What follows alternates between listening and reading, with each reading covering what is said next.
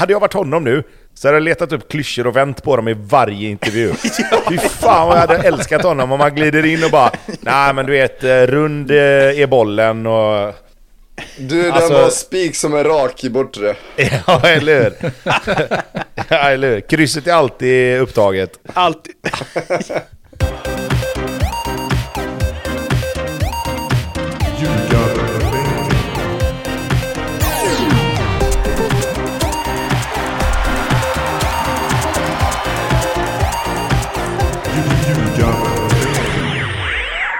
Det här är Ljugarbänken i samarbete med Betsson.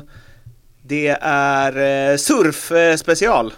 Blomman har eh, torskat eh, helt, eh, försvunnit, eh, vad säger man? Tappat Försvunnit sig. in i Discoverys eh, 24-7 stream med surf. Nej men det är ju så att varje gång man går in på, på Dplay och ska kolla någonting, man ska kolla någon tennis eller man ska kolla allsvenskan eller vad det än är, så är det ju alltid en surfing-stream igång. Så jag var tvungen att eh, testa nu på morgonen och eh, såld var jag inte, så kan vi säga. Jag var tvungen att testa nu. Den har legat där och puttrat ändå. Du har liksom undvikit den. Alltid funnits något viktigare. Men nu, en eh, tisdag morgon i juli. Men vadå, är det det typ dags. en sån här webcam som de har satt upp på, på någon beachclub i- på Hawaii typ som bara står och rullar eller? Nej, nej, det var ju, det var ju kommentator och hela kalaset. Det är till och med utan avbrott. Vet, eh, Jag tänkte också att det var en sån som är så här, alltså när det bara är typ en, eh, ja men en webbkamera, så här, vädret utanför Kiruna. Det var rätt, Bara men var rätt taskigt en bild också. var tredje minut. Det är liksom grått och mörkt och jag tänker så här, vad händer om det inte kommer några vågor? Vad gör man då? Man kör ju på Ja, tid också, det kan ju inte vara folk då. där 24-7 eller? Natten, vad händer då? Eller måste då byter de till en annan strand, någon annan tidszon. Det är väl sol någonstans och lite vågor på denna planeten. Ja, men fan Men det var de alltså. rättigheterna kostar. Det känns som något som man, för att jämna ut, Ja men det var, en, eh, det var ju som jag skrev, liksom, det, det är ju någon Eurosport-vision. Det finns ju någon där som har sagt att liksom, vi ska ha, ska vi inte ha lite surfing också? Eurosurf. Exakt. Det har ändå någonting. Det kanske, de kanske borde ta in Chris där. Sitta och kommentera också 24-7. Energisk över varje grej. Då ska fan jag kolla också. Eh, Ja, det har... ehm, Fan, hur går det för er Tobbe? Det känns som det var länge sedan vi pratade om det. För oss... Nu när vi eh, ändå är inne på obs obskyra... Nu när vi ändå är inne på Sporter. livestream och kommentator dygnet runt. Ja, exakt. Eh, Det kör ni va? Två åker. absolut. Alltid vi har våran. VO-kamera igång dygnet runt. Ja, ja Eh. men eh, hur går det i, i eh, tabellen? Nej det går inte eh, alls. Vi har ju haft uppehåll i en månad nu. Så att eh, det finns ingenting... Det känns som vi inte pratade om det innan heller. Jo, väl? vi pratade om det när, vi, när jag var i Grekland, att de vände 2-3 till 4-3 borta mot Trollhättan på, sist, på övertid. Eh, och mycket mer än det har inte hänt sedan dess.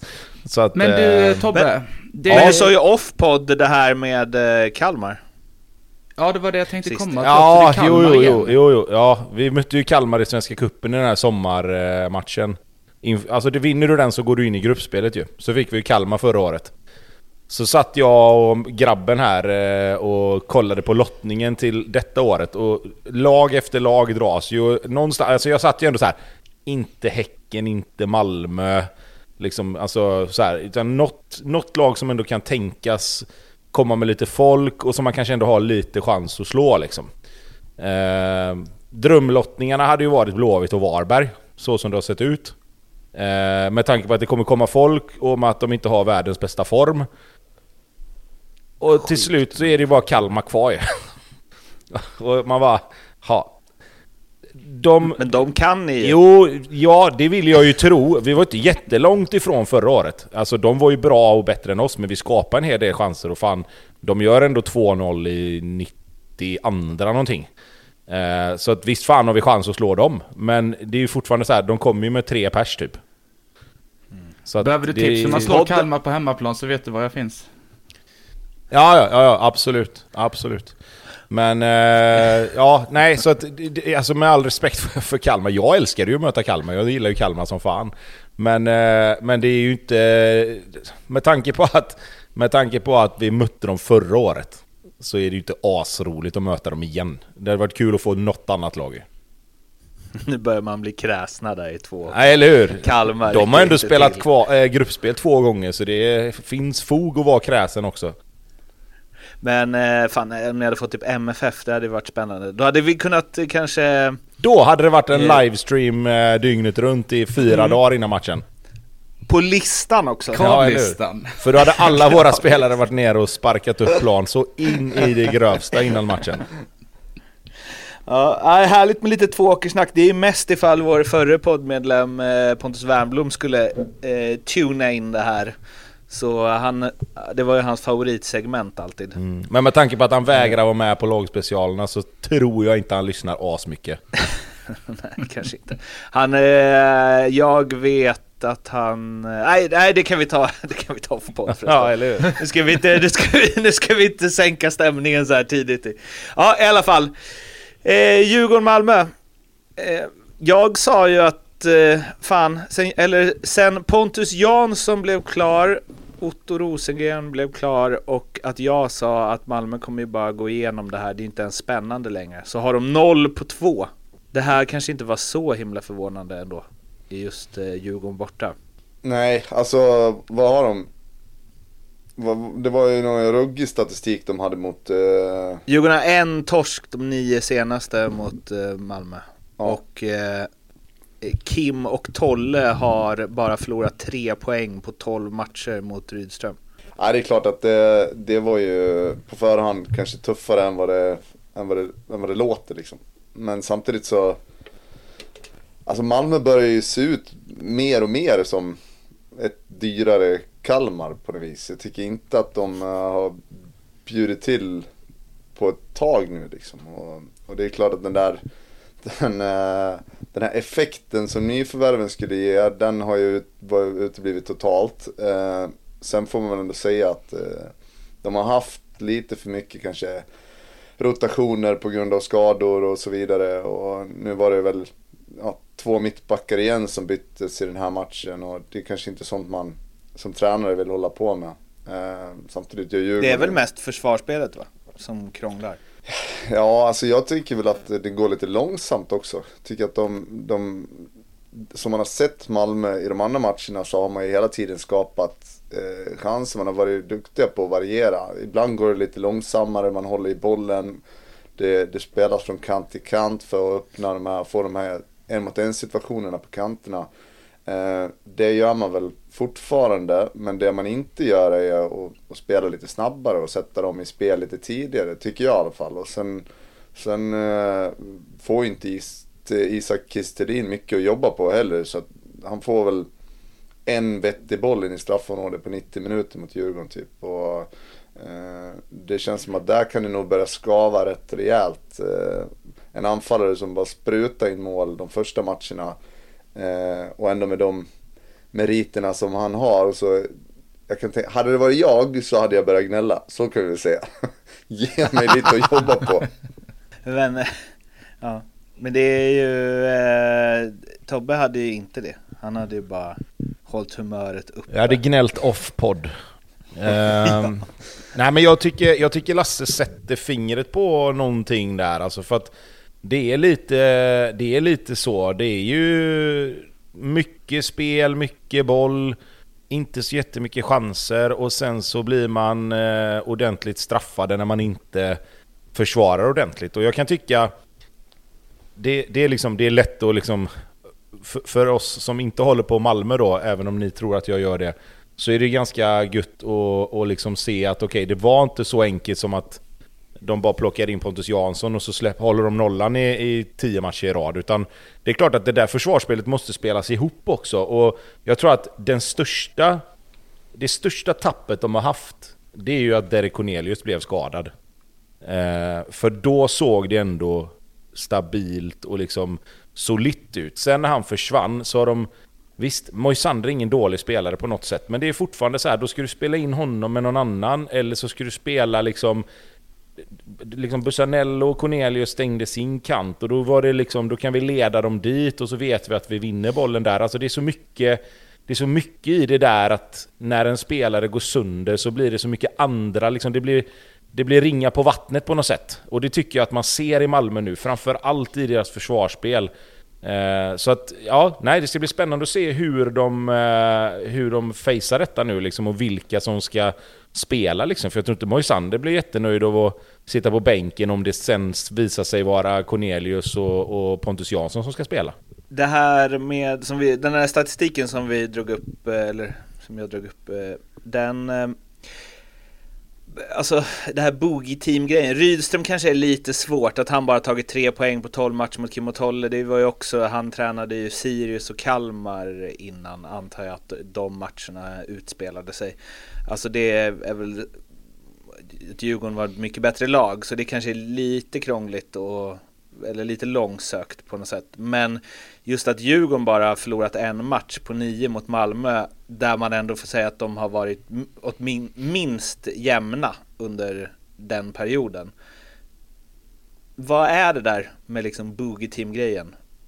Finns det något i det att man redan innan känner att så här, ah, fan vi har, vi har svårt med de här, mot de här?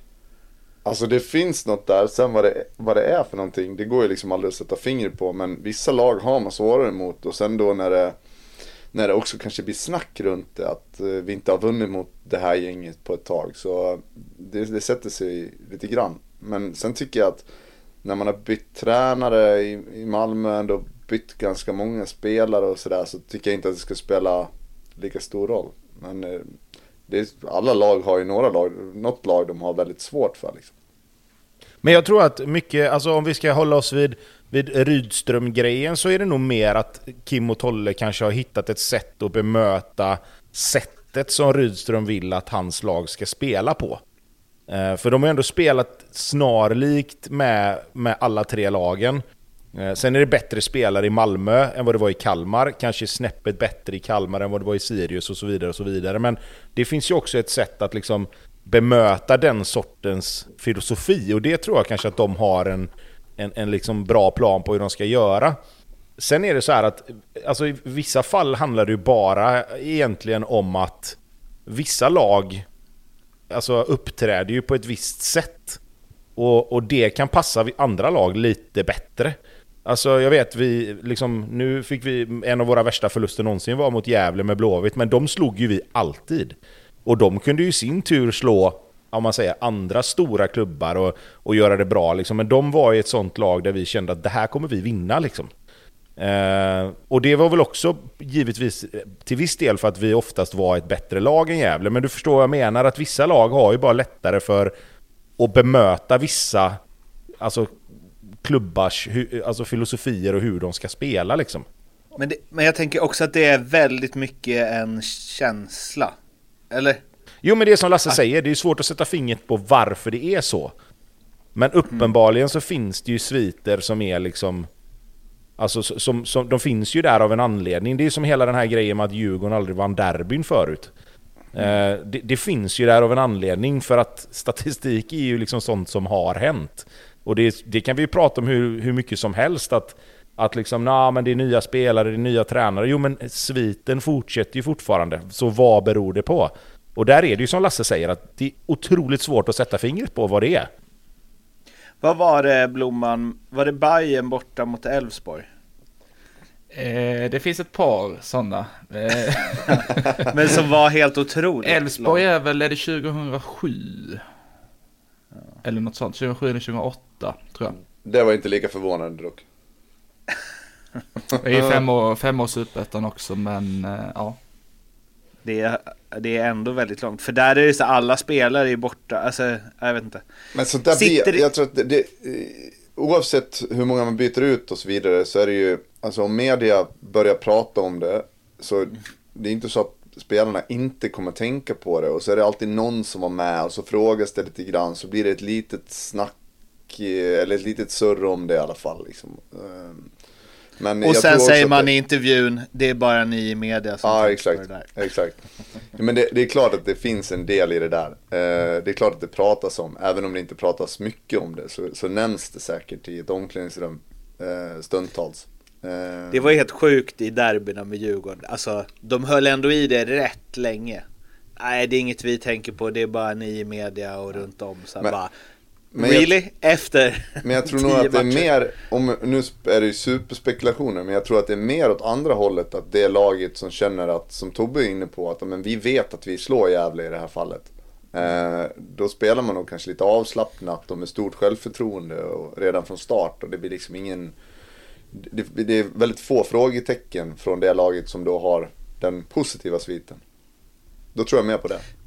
Vilket brutalt eh, övertag eh, både AIK och Hammarby måste ha haft på Djurgården där efter ett tag. Alltså det mentala inför derbyn. Ja, men inte annat var det på läktaren. Man gick ju dit och visste att det här, det här löser sig. Vi kvittade Djurgården tog ledningen och det var Ranegi och allt det där. Man visste att det, det finns ju inte en chans att Djurgården vinner det här. Var det inte, fanns det inte, det här, är, det här är jävligt svagt. Kanske klippa bort läge. Vi får se om jag lyckas Då eh, ro i hamn. Men det var väl någon... eh, Det var väl någon stream där på Dplay nu känner jag direkt också att det är surfing. massa folk som lyssnar på den här podden som har koll på eh, vad som hände i, eh, och en i podden kanske, som har koll på vad som har hänt i Blåvitts Europaspel genom åren. Men mötte inte de typ Hamburg i någon Uefa-cupfinal eller något sånt? Mötte de För länge typ sedan. Hamburg. Det är ju typ... Redan nu känner jag klipp Alltså vad fan Mårten? Ja, vad vill du veta om 82, Uefa-cupvinsten 82? Ja, men jag... Nej vi skiter i det, vi skiter i Nej, det. nu vill jag höra vad du skulle säga! Nu vill jag höra vad du skulle säga, kör nu! Nej men att det var, jag hörde något eller läste något om att Svennis hade sagt att så här Returmötet behövde, nu, nu, lossa, nu hittar jag på siffror här, måste Hamburg vinna med 3-0 Ja. och att hans peptalk inför den matchen hade varit typ så här. Eh, de måste vinna med 3-0. Hur många gånger i år har vi förlorat med 3-0? Ja, Nej, nästan. Du, du är Nej, faktiskt bra. rätt på det. Du är rätt på det Mårten, men det var så här. Han snack in... Du kanske har inside på den, Ja, så du kan få dra den andra. lite grann. Nej men jag tror att snacket var så här att vi leder med 1-0, det var ju bortamålsregeln då fortfarande. Hur många gånger i år eh, har vi inte gjort mål? Och då var det liksom så här, ah, nej det har ju typ inte hänt. Och, och gör vi ett mål, hur många mål måste de göra då? Ja, tre. Och hur många gånger i år har vi släppt in tre mål? Nej, typ lite så. Nej. Så det var helt, helt rätt på det för en gångs skull. Ja. Stark, bra. Klipp inte bort. Kanske tajta till lite, möjligtvis. Jag älskar, ändå, jag älskar ändå att du börjar allting med det kanske finns någon i podden som kan veta. Blåvitts Uefa-cupguld 82, farsan var med. Det enda vi har pratat om i Blåvitts historia ihop mot I 87. familjen. Det är Ja, det men enda typ. Tobbe har hört i Eller hur? hela Man, sitt nej, liv. det, nej, fan har de vunnit Uefa-cupen? Det visste inte jag. Ja, ja. Eh, jag försöker bara inkludera eh, oss som inte har lika bra eh, familjeband till den segern. Eh, men ehm, Jag trodde du skulle börja med att Blåvitt har inte torskat mot Hamburg på 41 år. exakt. Så gå in och vinn nu. Eller det kanske Mot det, Varberg. det, För kanske Varberg är de, det kanske de i och För för sig har Varberg är gjort. mycket sämre än Hamburg. Ja, så det är väl precis. bara att gå in och vinna den. De kan i och för sig ha mött Hamburg efter det, jag vet inte. Det borde du ha koll på. Kim eh, Bergstrand, han var ju som en jävla solstråle va, efter den här 2-0-segern. Eh, så mycket energi och eh, lycka i ögonen. Värme, kärlek, tog in eh, intervjun eh, i Discovery efteråt.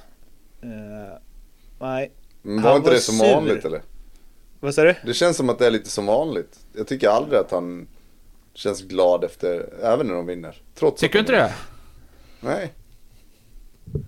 Han fick väl någon uppsträckning där när han var oskön mot eh, Dil Dilchen. Men eh, förutom det så har väl, eh, då var han ju, då var han ju låtsas trevlig i, vadå? Två matcher kanske? Ja. Men vadå, tycker du- tyck-. Tycker han var, tycker han var sur i intervjun? Jag tycker han blev lite irriterad när de började nämna Mange Eriksson. Innan dess var det Ja, väl inga precis. problem?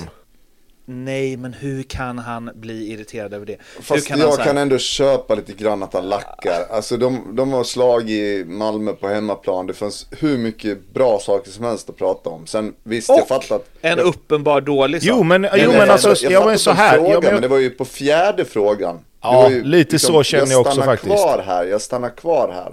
Han hade ju svarat på den. ja, och Alltså, jag, jag tycker att, jag tycker att han fick frågan om Mange Eriksson, svarade på den, fick en fullfråga, svarade på den. Sen fortsätter Nej. de... Jo, sen, Nej. jo men lyssna nu, vänta. Då får du ta, jo men jag, du är journalist och jag kan ta det från andra hållet då. Sen är det så här, precis som Lasse säger, att de har vunnit med 2-0 mot Malmö. Han har svarat på frågan om Mange Eriksson och han svarar på ytterligare en följdfråga. Alternativet där är ju att han bara, okej, men eh, ja, då kör vi vidare. Sen när han ställer tredje och fjärde frågan, då tycker jag liksom så här, då får han faktiskt, liksom, fast nu har jag svarat på det här, eh, vad som händer och liksom, tror han att han ska stå där och svara på den frågan bara, ja men hur går samtalen mellan dig och Mange? Ja det har väl för fan inte du med att göra, hade han kunnat säga. Nej men det var Det ju långt roligare. in i den. Ja då har han varit sur på riktigt. Men alltså så här... Det är en tre, minut, det, men det är en tre minuters intervju, där en och en halv minut handlar om matchen. Där han svarar och tycker gör det bra, liksom går med Elias Andersson och hela den biten. Och sen är det en och en halv minut där han försöker skapa någonting mellan Kim Bergstrand och Magnus Eriksson. Det, då kan jag förstå Nej. att han lackar ur.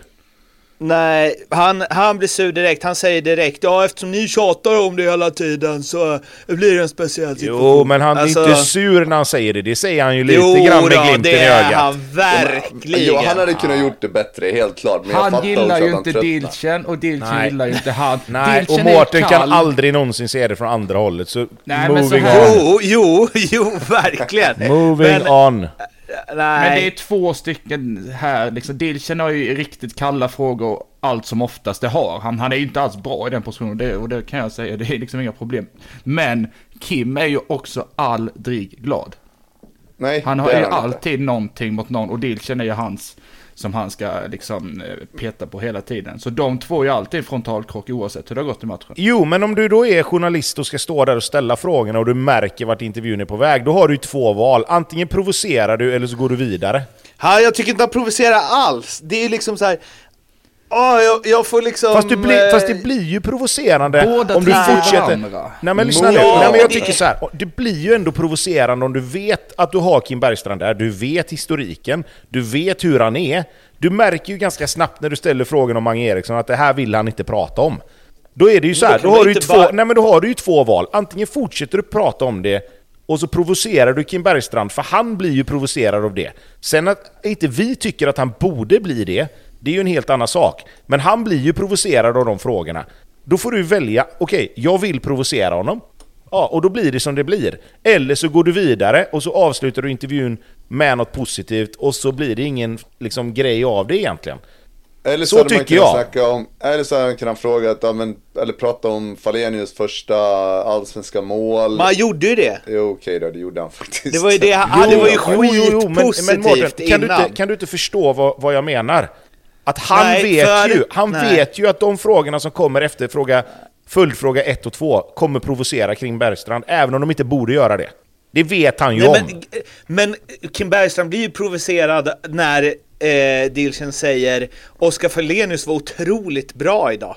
Då svarar Kim Bergstrand Ja, tycker du bara för att han gjorde mål? Han har varit bra alla matcher, men du, du passar att ta upp det och han är bra i defensiven. Alltså det är så jävla löjligt. Jo, men och sen så Kim liksom har- är eskalerar där, alltså. det, han- det jag eskalerar i något jävla skämskuddkrig när han bara ja, Mange mår jävligt dåligt av det. Så om ni vill göra honom en tjänst, bara varför skulle vi vilja göra Magnus Eriksson en tjänst? Alltså Kim, om du vill göra, han mår jävligt dåligt av att inte spela, så om du skulle vilja göra honom en Spelar tjänst, han då? Men, spela fast, honom. fast Mårten, fast Mårten nu, nu, Alltså, nu har vi, här har vi, här har vi hela grejen. Tobbe, gå, vi går vidare. Det vi Jo det gör fast vi, men en hela timme. grejen i det här är ju att Mårten säger varför skulle vi vilja göra honom en tjänst? För att han är journalist och, och sympatiserar med Dilchen. Det är ju det är ju så det blir. Och jag menar bara, Nej, jag menar men- bara att vill du, om du går in i en intervju med Kim Bergstrand så vet du att hur provocerar jag honom? Ja, då pratar vi om saker som han inte vill prata om. Eller bara Nej, det räcker ju pratar bara om att något. säga Det stämmer inte, det stämmer inte. Okej. Han blir provocerad av att Dilchen säger att Oskar Falenius gjorde en eh, Ja, otrolig match. Det blir han faktiskt. Ja, bra. Det är liksom- Då är vi, då, Okej. Let's agree to disagree så kör vi vidare. Jag tror Kim Bergstrand hade blivit provocerad även i NHL. När allt är liksom What a amazing performance! Kan Ja men det är klart, det är, klart att det är fånigt. Det, det är klart att det är fånigt. För att alltså, Falenius har gjort några bra matcher. Men han har också bränt otroligt många lägen när Djurgården har liksom kunnat ta en eller tre poäng i, i slutet av matcherna. Så att det är ju klart att det var värt att, att nämna att ja, men, nu gör han mål och var, och var bra liksom. Så att det, det är onödigt att bli provocerad av det. Han borde ju bara släppa, ja fan vad kul för honom och, och det var viktigt för oss. Liksom. Hoppas Mange Eriksson inte mår allt för dåligt bara av eh, att eh, Discovery ställer frågor om det. Jag har, jag har svårt att tro att han gör det, men vem vet. Ja, eh, Elias Andersson, eh, det var ju en annan intervju när Bosse kom in i hög form. Och eh, istället man, det där tycker jag att man borde se oftare. Sportchefer som lägger armen om en spelare som precis blivit såld och förklarat hur viktig den positiva liksom, journalistiken är jag för på alla sätt och vis. Där ska det inte in och kritiska frågor. Hade han velat sätta dit honom, man kunde bara, fick ni verkligen så mycket som ni borde få? Var inte det för mycket eller? men eh, ett eh, tapp, men hur stort?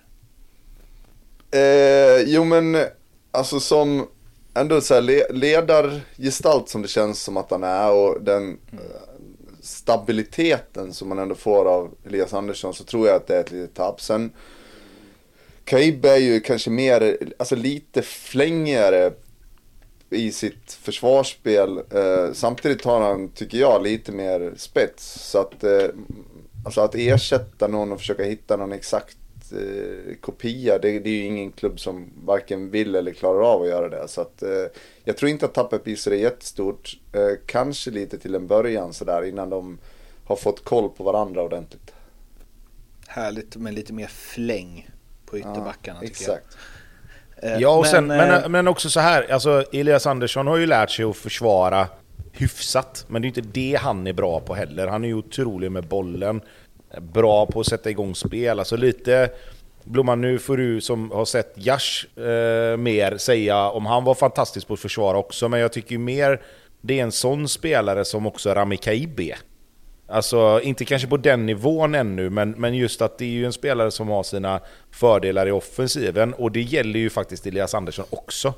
Så att jag tror kanske inte att tappet rent spelmässigt blir superstort, utan då är det väl som Lasse sa att man ska lära känna varandra och han ska komma in i, i sättet som, som Djurgården spelar mer liksom. För jag är svag för när spelare inte får det att lossna under flera år och sen byter de position. Och då blir de mycket, mycket bättre. Framförallt när de Fast byter de blir från inne... alltid ytterbackar. Ja, men... Vadå, de som inte får det att lossna? Ja, var, var det... de än spelar innan så blir de ytterbackar. Är det så? Jag tänker ja. ändå central mittfältare till ytterback inte händer skitofta, eller? Är du vänsterfotad så är det inte helt omöjligt. Nej, kanske inte. Den, den bästa av alla dem är väl ändå Alexander Östlund. Från målbrännare på topp till landslags högerback. Eller, eller Peter Markstedt va? Gå från mittback till forward. ja, ja. det ja, det, Okej, det, det, det, har gått det hållet också. Jag trodde det var omöjligt. Men... Ja, Mamar gjorde det ju nu. För Deget ju. Behöver sig utbytt i 46, i halvtid så att. Jag tror mer Det var inte riktigt en Markstedt va? Han jag, gjorde. Jag tror mer på... Jag tror mer på att eh, gå från eh, någonstans i planen till ytterback. Jag tror att den chansen är störst. Zlatan som mittback hade man ju velat se någon gång. Varberg-Gnaget. Eh, 2-1 till Gnaget. Vi kommer till Robin Tranberg så småningom. Eh, men eh, eh Tyckosen som ju har fått en, eh, även för honom, lite förvånande eh, start i AIK tror jag, eh, som eh, målskytt två matcher i rad på inte helt olika situationer. Sa efter att eh, AIK är ju bättre än vad tabellen visar och att det finns mycket att ta av och bla bla bla. Det är, de förlorar liksom hemma mot Häcken och sen så vinner de borta mot Varberg med uddamålet. Och nu, det är ju bara för att Varberg vann sist mot Blåvitt som man på något sätt tycker att det ändå är en prestation. Men ja, det var ju Varbergs första seger den matchen, så 2-1 borta mot Varberg, det är inte så... Jag vet inte om det är vi är mycket bättre än vad tabellen visar läge då. Fast jag tycker ändå att, jag tycker ändå att vi har sett i de matcherna som AIK har spelat efter uppehållet, att de just nu är bättre än att ligga på kvalplats. Eh, det tycker jag ändå. Så där har han ju rätt. Men han var ju inte där i... bättre väl? Nej men, nej men, nej men vi, vi sa väl bättre. Mycket ja, bättre behöver vi inte lägga till. Eh, jag tycker dock att han har inte sett kanske matcherna som var innan då. Eh, för då hade han kanske känt annorlunda. Eh, men fan vad gött ändå för AIK att det kommer in en spelare och det, med, med tanke på att nyförvärven då, om vi pratar om Malmö, inte riktigt har fått effekt. Så är det här ett jävla drömscenario för AIK. Man plockar in en högerback. Eller liksom, och bara ja men fan vi behöver stabilisera upp lite. Och så går han och gör game winning goals till höger och vänster liksom. Uh, så det, det, är ju, det är ju liksom drömscenariot för, för AIK, att han har gått in och, och gjort som han har gjort. Bra jävla avslut också ska sägas. Men AIK behövde ju få, ny, få in nyförvärv som faktiskt gjorde skillnad. Det var ju en... Eh, alltså det var ju verkligen ett måste. Och, och att ändå pricka så pass rätt som man har gjort, det, det är ju det är faktiskt helt imponerande. Och jag tycker också att, eh, alltså sett till, kanske inte över 90 minuter, men, men i alla fall halva matchen och lite mer mot Häcken så ser man ju definitivt inte ut som ett, eh, som ett bottengäng. Sen att åka till Varberg och veta att de har tagit sin första trea och liksom ha fortfarande kniven mot strupen och ändå åka därifrån med tre poäng. Det får ju ses som ett styrkebesked ändå tycker jag. Ja, alltså det handlar ju för AIK precis som för de andra lagen där nere egentligen. Alltså det går ju inte att, det går inte att sitta och vara kräsen över hur man vinner matcher, utan det handlar ju bara om att lägga ner tre poängar i, i, i ryggsäcken och sen åka därifrån liksom. Man ser ju också så... lyckan i ögonen på dem. Alltså det är ju, det är ju inte det där vanliga AIK som, ja vi städade av Varberg, gå och ta lite vatten och så åka hem liksom. Utan det var verkligen firande efteråt. Ja. Ja, det är mycket, och det kan ju göra rätt mycket förstås, men... Uh, mm. Fan, du, eh, det är tacksamt på något sätt Tobbe, för varje gång man snackar ner liksom MFF och AIK lite, lite, då är du där. Nej men jag... ja, drar upp dem. Ja precis. Ja, men jag, är, jag är den personen, jag är snäll. Nej men jag, jag menar mer att liksom så här, Alltså när, när, lagen spelar dåligt, vilket AIK har gjort, så ska de givetvis ha kritik och de ska få all skit de förtjänar och hela den biten. Men också så här att nu, nu är de i ett läge där de behöver ta vinster. Alltså det är ju liksom Degerfors, vi kommer väl till dem kanske, eventuellt. Eh, AIK, Blåvitt, Varberg. Liksom. Det är ju fyra lag som behöver vinna matcher. Och då tycker jag så här att åka till Varberg borta, med tanke på att det skilde inte jättemånga poäng innan den matchen. Och bara liksom vinna den matchen gör ju att det händer någonting i den där gruppen. Alltså de, de har ju förlorat de matcherna innan i år. Eh, vilket, vilket jag då kan tycka att liksom, fan skitsamma hur det ser ut. Ja, det blev 2-1. Eh, det, det var lite grann i slutet, blev lite nervöst kanske liksom så. Eh, även om det inte var jättelång tid kvar när domaren, när domaren sen blåste av. Eh, så är det ju sådana vinster de behöver. Alltså, ja. åk dit och vinn men, bara. Men är inte det också lite, där ser man ju fortfarande att det är ett, alltså, ett lag som har haft mycket motgång. Ett, ett AIK i medgång hade ju liksom inte, de är ju riktigt illa ute på slutet liksom och släpper till någon, någon helt hysterisk chans som han lyckas bränna där, eh, eh Krasniqi. Eh, det, det, det hade ju aldrig hänt i ett välmående lag, då hade man bara parkerat, hållit det lugnt, kanske kontat, till och med gjort ett mål till och så vidare. Men det blir ju spännande och det, det är ju fortfarande ett tecken på att de liksom inte riktigt är, de är inte trygga i, i situationen som den är. Så måste jag också säga att Salet, Saletros gör ju också skillnad. Vad är det, Besirovic kom in och sett, ja, jag tycker han har varit bra i två matcher. Ehm, och Tykosen, inte bara bra, han gjort två baljor. Och sen nu kommer Saletros in och gör skillnad han också. Det är två ass till och med. Ehm, nu är det väl visserligen på fasta situationer. Ehm, men, men bra i spelet och ehm, den injektionen sådär centralt som, som AIK också behövde. Så att det fanns ändå mycket positivt. Jag vet inte riktigt vart jag vill med det här. Men fan, jag kommer tänka på det när du pratar om det läget Varberg brände. Eh, för jag koll, kolla igenom alla highlights i ett streck. Fan vad det bränns alltså. Överlag. Alltså jag menar hela omgången. Det är svårt att göra mål Mårten, det är jättesvårt. Men såhär, Asoro liksom nickar, han nickar liksom rakt ner i marken. När han, he, han har hela jävla målet att sätta bollen i. Helt omarkerad, hur mycket tid som helst. Alltså det är, jag vet inte. Det jag, kanske är jag, säger, så- jag säger som Lasse, det är fan svårt att göra mål alltså. Det får vi inte glömma bort grabbar. Nej, och spelare som Svårt att ändå gör ganska också. mycket mål, de, eh, de ska man inte ta för givet. De ska man inte glömma bort ifrån. Eller hur? Nej. De fin, det finns inte Han så jävla många längre. ner i bortre åt uh, Asoro ju. Det var ju, det var ju rätt tänkt Tobbe. Ja, ja absolut. Nej, nej, det är bara att fortsätta Exakt. gnugga vet du. Ja, ja ehm. ja absolut. Robin Tranberg, Gnuggi Gnugg. Eh, halv, det- bra tajmad glidtackling. Men fan vilket Ja. fattigt rött kort att ta ändå. Alltså, liksom fan. Hela grejen med att han sparkar ner honom är ju att han bara faktiskt, jag sparkar ner han bara. Och och inte ens det gör han ju ordentligt. Nej, det är ju att han träffar typ med sulan, fel sula uppe på låret typ. Så att det... Alltså, han alltså, det är så här, vill jag han menar, vill du döda bara ha ner han? Ja, men vill du bara Ja, ha han ner vill ju bara döda det anfallet, ta ett gult och så bara, ja men nu har vi fortfarande chansen. Och så bara, oj, vad snabb han var, jag hinner inte. Och sen blir det någon sån här kamikaze-grej istället. Ja men Ja. lägg ett jävla, Alltså- ja, men lägg ett jävla krokben på han bara. Ja, Det verkligen. det alltså, Om du nu vill ha göra, bort, det om går du ju nu för vill ha fort. bort chansen och kontringen liksom, så lägg ett krokben. Sparka han på det benet som är längst bak, så det slår i det för, första så får du ett gult som du säger Lasse. Nu vill han ju döda han. Han vill ju liksom så här, jag ska ta ett rött här nu för jag orkar inte. Och så helt plötsligt det så bara, inte, och så, och så bara, det tänker han visst. det är klart han gör. Fan, han Jag sparkar ner honom här nu, jag ska ha ett rött liksom.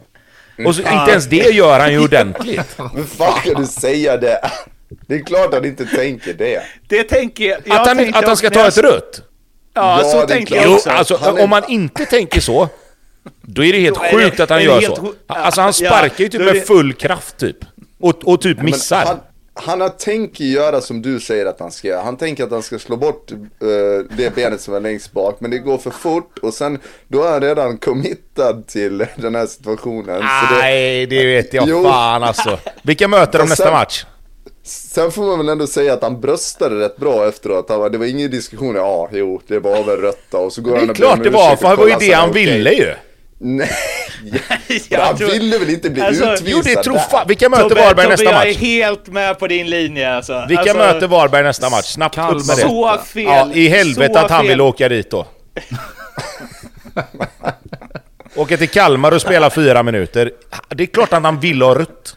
Han sparkar ju honom för fan uppe vid knäna och han missar typ. Ja, ja.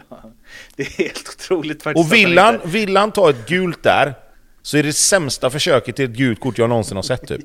Det må så vara, men jag tror inte att han tänker från början att han ska ta, nu ska jag ta Jo, rött. Han tappar det Nej. bara. Det slår slint i huvudet Nej, på men honom. okej. Så här, är han kanske inte är supernoga med att det inte ska bli rött. Så kan vi, där kan vi mötas. Uh, ja, kä- kämpa Tranberg. Det blev dags för speltips i samarbete med Reket och Klart. Och eh, det gick väl som på räls. Det är som eh, de matcher som var i den här omgången va? Det går Ja, ju det vet jag inte. katastrofdåligt. Det går till Som på en sån räls där de har snott koppartråden. Typ. Ja, exakt. Och vad den koppartråden har tagit vägen, det vet jag inte. Den är inte lagd på någon ny räls i alla fall. Jag börjar i alla fall, för min form är totalt urkass. Så nu, jag går lite all in här. Eh, Och tippar egentligen mot vad jag Så- tror för att jag är så jävla Som man dålig. ofta gör när man har dålig form. Tips till alla pokerspelare där ute. Om det går riktigt, riktigt dåligt, gå all in då. Eh, Hammarby vinner och det blir över 2,5 mål i matchen. Djurgården vinner och det blir två, över 2,5 år i matchen, mål i matchen till 13 gånger pengarna. Boom! Oj. Fan jag älskar jag ändå tror att Lasse, riktigt på det. jag älskar att Lasse efter oavgjort mot Blåvitt går och kör en win-win. Ja men det, var- det var det är lite så jag tänker att eftersom jag är så i, i iskall form då kan jag ju tippa på det jag inte vill ska hända. Mm, Så- Det är så jag har gjort hela tiden, det har funkat sådär. Men om du, har du gått emot Blåvitt Tobbe? Ja, Det kan man väl säga. Ändå så sätter du inte ett spel. Nej. För den gången jag gjorde det så lyckades de ju ta en poäng. Hur fan går det ihop? Hade du kört singlar mot Blåvitt hela säsongen, då hade det varit... Hade du inte suttit i den här podden? Nej, men jag har gått emot Blåvitt några gånger och då har de lyckats ta poäng. Eller så har det fuckat upp sig på något annat ställe. Ja, men kör det då Tobbe. Vad, vad tar du denna veckan? Denna veckan tar jag att eh, Malmö FF tar sig samman och vinner borta mot AIK.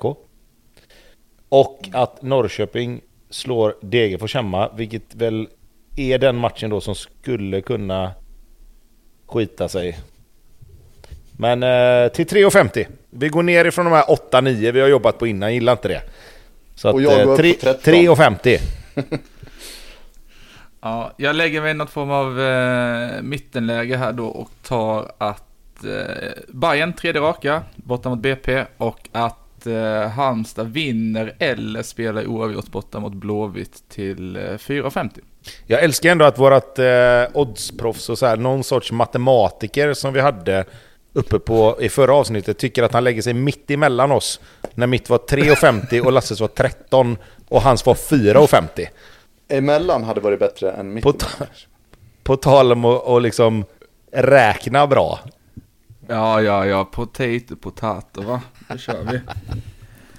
Eh, De här spelen hittar ni hos eh, Betsson, ligger under eh, godbitar, ljugarbänken. Kom ihåg att spela ansvarsfullt, du måste vara minst 18 år för att spela och behöver du hjälp eller stöd så finns stödlinjen.se. Bayern Kalmar, innan vi ska prata om Mackräkor. annat, mackräkor, så vill jag bara säga eh, Dukanovic, alltså så himla eh, rent och åh vad jag gillar när spelare som heter Dukanovic-ish gör sådär. Alltså det är bara, åh, jag vet inte, så jävla fint. Alltså, mål. det har gått eh, en halv säsong och han har redan hittat en patenterad grej. Mm. Det är verkligen hans eh, avslut. Bredsida i bortre, kliva in lite grann och så bara placera dit den. Det är så gött när man har en sån spelare i laget man håller på, tänker jag, eller tyckte, tycker jag om när eh, Norrköping har haft det. Men när man vet att så här, åh, det, det här är ett läge typ, att spelaren får bollen lite ute på kanten och kan röra sig in mot straffområdet. Alltså, man vet precis vad den ska göra, men man vet att den gör den så bra så att det eh, kan bli mål. Bayern eh, München-fansen måste ju älska att det Fast liksom Robin. fast håll, håll i lite nu. Det är också gått en halv säsong för har alla jävla allsvenska tre, lag fyra. och lära sig att det är exakt det han kommer göra ju. Hur kan man Jo, om man släppa gör- en sån spelare inåt? Det är bara att ta han ut. Visste att du skulle ta den, tänk, välj glädjen. Nej, för att det är för dåligt försvarsspel. Ja, det är det. Men, men också kul med mål. Ja, han, alltså här, han gör, det, han gör det fantastiskt bra. Alltså det, det är ju ett grymt jävla avslut sen också. Och det är klart För att... vet du Tobbe, Tobbe vet du, det är inte lätt att göra mål. Nej det är det inte. Det Det, ska- gör han det jävligt bra och det skulle jag komma till. Att när han väl får läget så trycker han dit den rätt bra alltså. Men jag tycker också liksom med allt det du sa och med att vi faktiskt... Alltså du vet ju vad han vill göra där. Alltså... Han går inte utsida jätteofta. Det Nej, var och då snyggt tyck- men det var inte Radetinac snyggt. Ja, men det går. Ja, det tycker jag nog. Nej, nej, nej, nej, nej. Ja, det kan vi komma Ja, nej det kan vi inte komma till för det har vi redan pratat om. Nej, stäng Eh. Nej, fan. Djukanovic gör det bättre i så fall. Harris är ju liksom, det är ett bra avslut också, men det är ju fortfarande samma. Men han är lite närmare ju. Ja, jag, jag röstar på Radetinac. Ja, okej. Nej, då, då eh, sätter jag mig i Djukanovic-båten här då. Även om Ja. det är dåligt försvarsspel. Välkom, Välkommen, säger till Blomman. båten. Kapten. Kapten i båten. Ja, men även om man ska ta det. Fast har ju- Erabi-båten, den är du definitivt kapten i alltså. Det var ju kapten i fantasyn på Erabin för den omgången. Det var det. Du ser, du fan eh, sitter uppe i flaggstången på eh, Rabi-båten. Du, Ja, om du hade han som kapten i fantasy, hur arg var du på hans passning i slutet? Ja, men skojar du eller? Det var den där jag skrek från halva plan. Ja, Blomman, är det frid och fröjd? Jag läste någon på Twitter som hade räknat ut att ni förmodligen håller er kvar nu. Ja, det var goda nyheter. Eh, Nej, frid, och fröjd är det väl aldrig. Men eh, jag tycker väl att första halvleken mot Kalmar är en av de bättre, om inte den bästa. Eh, I år? Ja, det tycker jag. Men det är det är också, det är, om det är, det är skral konkurrens kring de bästa halvlekarna i år. Men den är definitivt uppe. Lite förvånad med både Demirol och Joel Nilsson in från start. Eh, Majed har väl egentligen spelat sig ur startelvan på egen hand. Eh, så Joel fick chans. Jag tycker det blir mycket, jag tycker Bayern spelar mycket rakare och kommer mycket mer rättvända efter sommaruppehållet eh, uppehållet generellt, men framförallt den här matchen. Och jag tycker att Joel är en av de som bidrar mycket till det. Även Djukanovic, han saknades ju lite innan på grund av skada. Eh, så det blir... Joel Nilsson är den du creddat mest den här säsongen tror jag. Ja, det vet jag inte om det. Jo, jag tror det. Du, bruk- du har inte sagt ett ont ord om honom. Nej, nej. Jag tror att när han har varit dålig är det så många andra som har varit mycket sämre, så han har sluppit undan. Möjligt att det är så. Man hade ett jättebra Det måste ju vara att det förväntningarna inte är lika höga. Jo, men Det det är är klart därför. att det är så. Det är klart att det är så. Det är väl så här, in och spring Joel typ. Och det, det är han ju Han- rätt bra på faktiskt. Hade inte han eh, flest eh, skapade målchanser med inlägg av alla ytterbackar i hela Allsvenskan när han kom till Hammarby? Han gjorde jättemycket poäng i Mjällby för att vara ytterback då, eller wingback där, så det är väl inte helt omöjligt att... eh, Men kraven nu är in och spring. Ja, typ, typ. Men, men han, han är ju nyttig och jag tycker Bayern spelar bra. Kom ut i andra halvlek, de pratar om att ja, vi ska göra trean inom tio minuter, bla bla bla. Men de ser ut som att de snarare ska liksom försvara ett fort istället och bli låga direkt. Eh, Brenne Djukanovic har ju jätteläge, chippar precis utanför. Sen gör ju Demirol, som för övrigt faktiskt verkligen tog chansen och var bra i matchen. Eh, jag har ju varit på han lite att han har varit rätt svag. Eh, Där rätt. var å andra sidan förväntningarna skyhöga. Ja, kanske- jo men jo, inte nu kanske inför den här matchen, men Nej, men tidigare då. har den varit det. Mm. Absolut. Eh, men han slår ju bort bollen och så gör de, reducerar dem.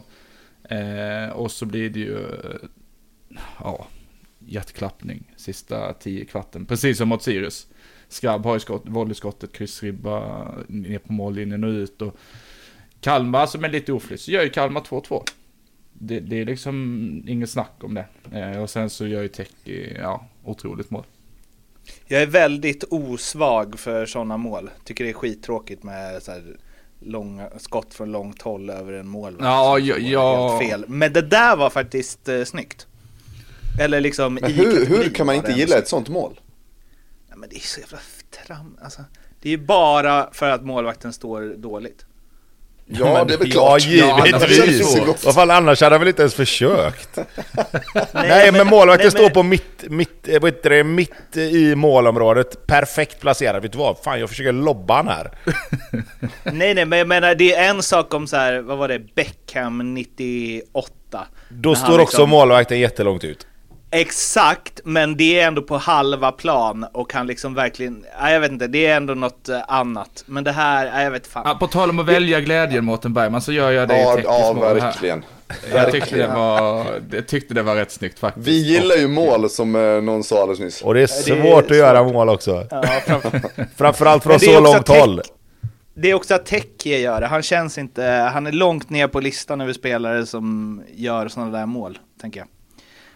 Nej. Ja, Men var hans- det, det vet jag inte. Vad var det, var hans andra i år? Ja, jag tror det han gjorde mål mot Häcken eh, borta på, den här, på inlägget som gick förbi alla och in i mål. Jag tror det var andra målet. Fan, han gillar ju mål från långt håll då. Oh. Exakt. Klipp. Eh, men det här, det här känns lite som en, eh, en icke-match också va? På, alltså, på, utan- på vilket sätt då? Nej men jag vet inte, det känns inte som att så här, ingen av lagen kommer komma igång mer, ingen av lagen kommer sjunka mer. Det kommer Ja, fast det är väl, det är väl exakt det. lulla på. Ja, nu är jag givetvis väldigt partisk i, i den här frågan, det ska man inte ta med sig. Men nog, Det är därför nog, jag formulerar mig som jag gör. Ja, jag förstår det. Men, men eh, som det känns nu så är det väl så att, att Kalmar börjar sjunka till, i alla fall vad jag hade dem inför säsongen. Eh, och de har ju dessutom överpresterat sett till siffror och, och, och underliggande och allt sånt som folk älskar att slänga sig med, inklusive mig själv. Men eh, att Bayern kanske hittar lite fart nu upp. Eh, BP på fredag, jag menar då kan det helt plötsligt vara 25 poäng och då ser det mycket bättre ut än vad det gjorde när vi låg 10 för någon omgång sedan. Så ja, jag vet Ja. inte. Det var väl ingen icke-match för min del i alla fall, det kan jag säga. Nej, och sen det här med positiva och negativa trender. Två segrar kontra Kalmars två torsk. Alltså det, är, det är klart att det gör ju en jävla skillnad. Eh, för så jävla långt ner är det ju inte heller. Så att, eh, det gäller ju att, att ta, lite, ta lite pinnar. Ja, och sen så har vi liksom ett Europaspel som stundar efter BP också, så det kan alltså komma in till en sån match med tre vinster istället för tre förluster. Det säger ju sig självt vad det, vad det gör. Och sen tycker jag faktiskt att vi, vi ska inte glömma heller att varje match som spelas här nu i Allsvenskan så tar ju de här unga spelarna steg. Framförallt då kanske Erabi, Djukanovic som lär sig att spela... Alltså Djukanovic har ju spelat seniorfotboll innan och, och Erabi också men jag tycker att de växer in i den allsvenska kostymen mer och mer och mer och det är klart att ge det några matcher och komma in i hösten här och allt och vinna så tror jag att det kan bli det kan bli lite obagligt för, för många lag att möta Hammarby, framförallt på Tele2.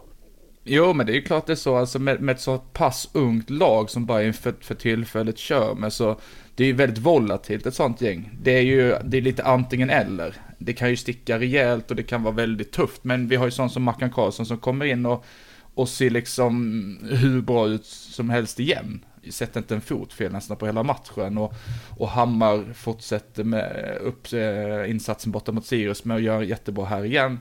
Demiral kom in, du säger Rabi, säger du kan det finns ju hur många som helst.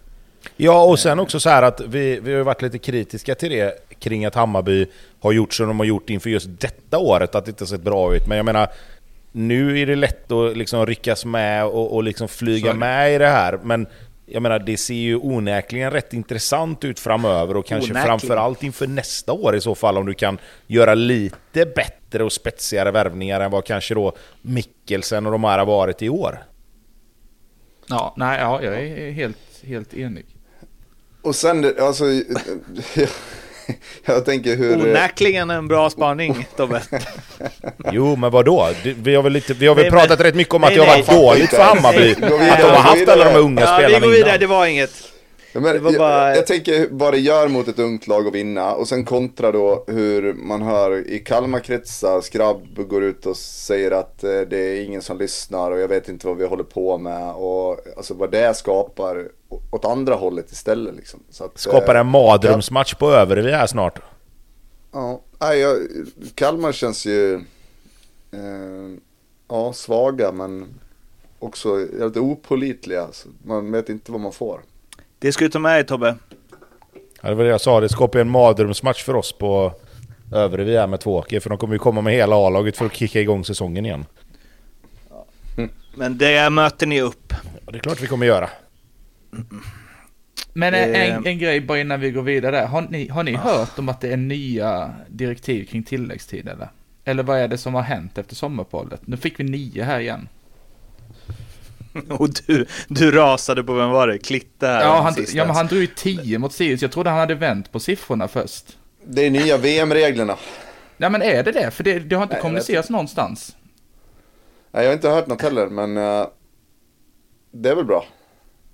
Ja, ja, så alltså det är väl bra. Jag tycker det är bra så länge man är konsekvent med det. Men man kan ju inte bara dyka upp en dag och visa 10. Och sen 9 i matchen efter. Jag tror inte det är möjligt. Men det kanske, om det är nya regler så är det inte helt... Och för att ni ledde då, så att det var det, därför du inte ville ha alla Ja, tillägg. men det, det är väl klart att det spelar in. Men vad fan, 10 minuter? Det ska ju vara ett mindre världskrig under våren för att du skulle få 10 minuter. Ja, det, så var det ju absolut. Eh, släpp det Blomman. Ja. Vi, ja, vi, vi, vi, ni, ni som vet, hör av er. Mackräkan, ja. Räkorna. det är så jävla gött ju. Han försöker ändå och är så nära men det blir så jävla fel och det blir så jävla roligt. Det blir superroligt. Och det, Ja, det är så jäkla honom som älskvärt. fan också.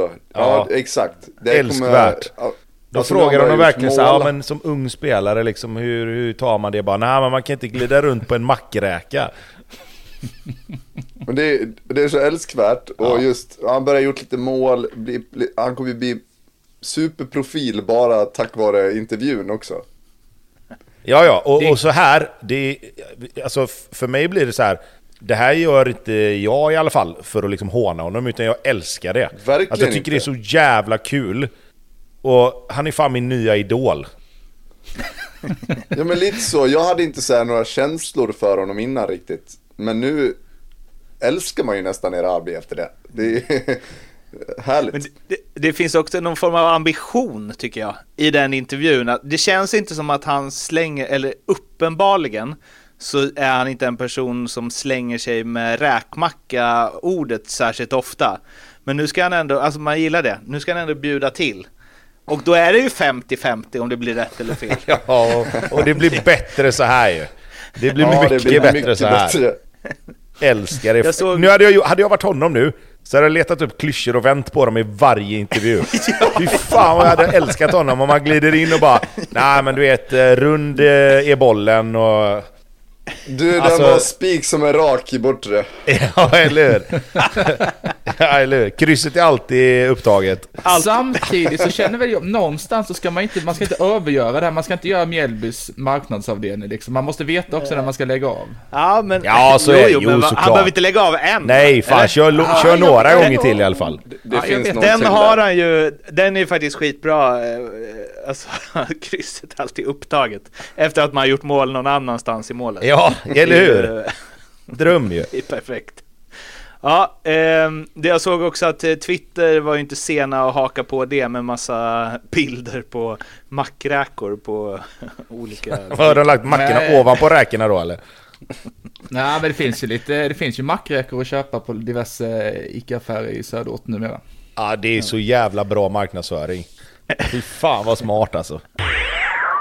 Mjällby-Norrköping, Jakob Bergström tillbaka i Mjällby gjorde ju en, eh, ja, en, eh, det är kanske inte en 10 av 10 intervju eh, när han skulle navigera mellan att det är kul att vara tillbaka, tråkigt att lämna, eh, att han älskar Mjällby, att han också älskar Djurgården. Eh, men nu är det som det är. Fy fan, han var med ett kryss två än vad jag var. Jag tänkte precis säga, det var årets helgarderingens. Ja. Eh, han var tillbaka med eh, en eh, förlust. Eh, Norrköping vann med eh, 2-1, två straffmål. Eh, Tröjstason på båda. Den första var ju sin egen retur och sen den andra satt direkt.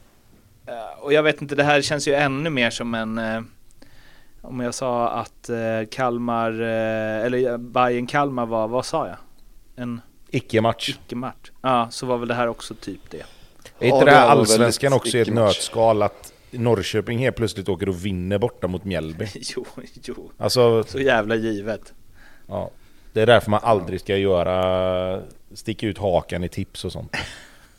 nej, men det... Nej. Som någon gjorde. Ja. Men... Eh, Haka det, ut stickan ja, ska man inte göra. Ja, oh, släpp det här nu. Ja. det här kommer bli en följetong tror jag. Tobbe kommer jag kommer ha en sån i varje avsnitt, så ska jag se om ni märker det eller inte. I, I, varje match eh, genomgång. Men... Eh, fan, nu är de uppe sexa Peking helt plötsligt. Eh, om Kalmar där. Ja, det känns ju också bara som att det var så här, ja, ja, de, alltså vi landar ju det igen. Ibland vinner man, ibland förlorar man. Och det är verkligen eh, Norrköping. Ja. Man vet inte riktigt när de tänkte ta fram bra spel och när de tänkte ta fram eh, dåligt. Eh, straffsituationerna, två solklara straffar va? Fy fan vad trött man är på målvakter som ska slänga sig rakt ut, ha noll att vinna och bara ja. river ner. Alltså när... Smacka båda benen. Liksom, vi är ändå 2023 nu, när ska ja. folk lära sig? Jag fattar inte Man det. ser ju att Totte kommer hinna den först. Alltså man ser det länge. Ja, och man ser också att den här jävla Törnqvist ska slänga sig ut som en säl också och sänka han. Verkligen, det är riktigt. Fan, du blir lite väl arg på Mjällbys ja, målvakt. Den, den, har, den har puttrat sen i söndags, den här taken. Vad fan, det är lite, o, uh, lite liksom ologiskt att du blir arg på, på Mjällbys målvakt liksom. Men det är Men, så dumt ju. Äh, ja, det är dumt. Och det andra är ju också solklar straff. Också dåligt eh, gjort. Ja, men där tror jag mest han blir så upplurad så att eh, han... Det bara blir. Han får, han får nog. Ja. Nej, men jag tror han tänker så här, nu har han gjort det här två gånger, han gör det inte en gång till va? Nej, exakt. Så jag sparkar här och ser vad som händer. Ja.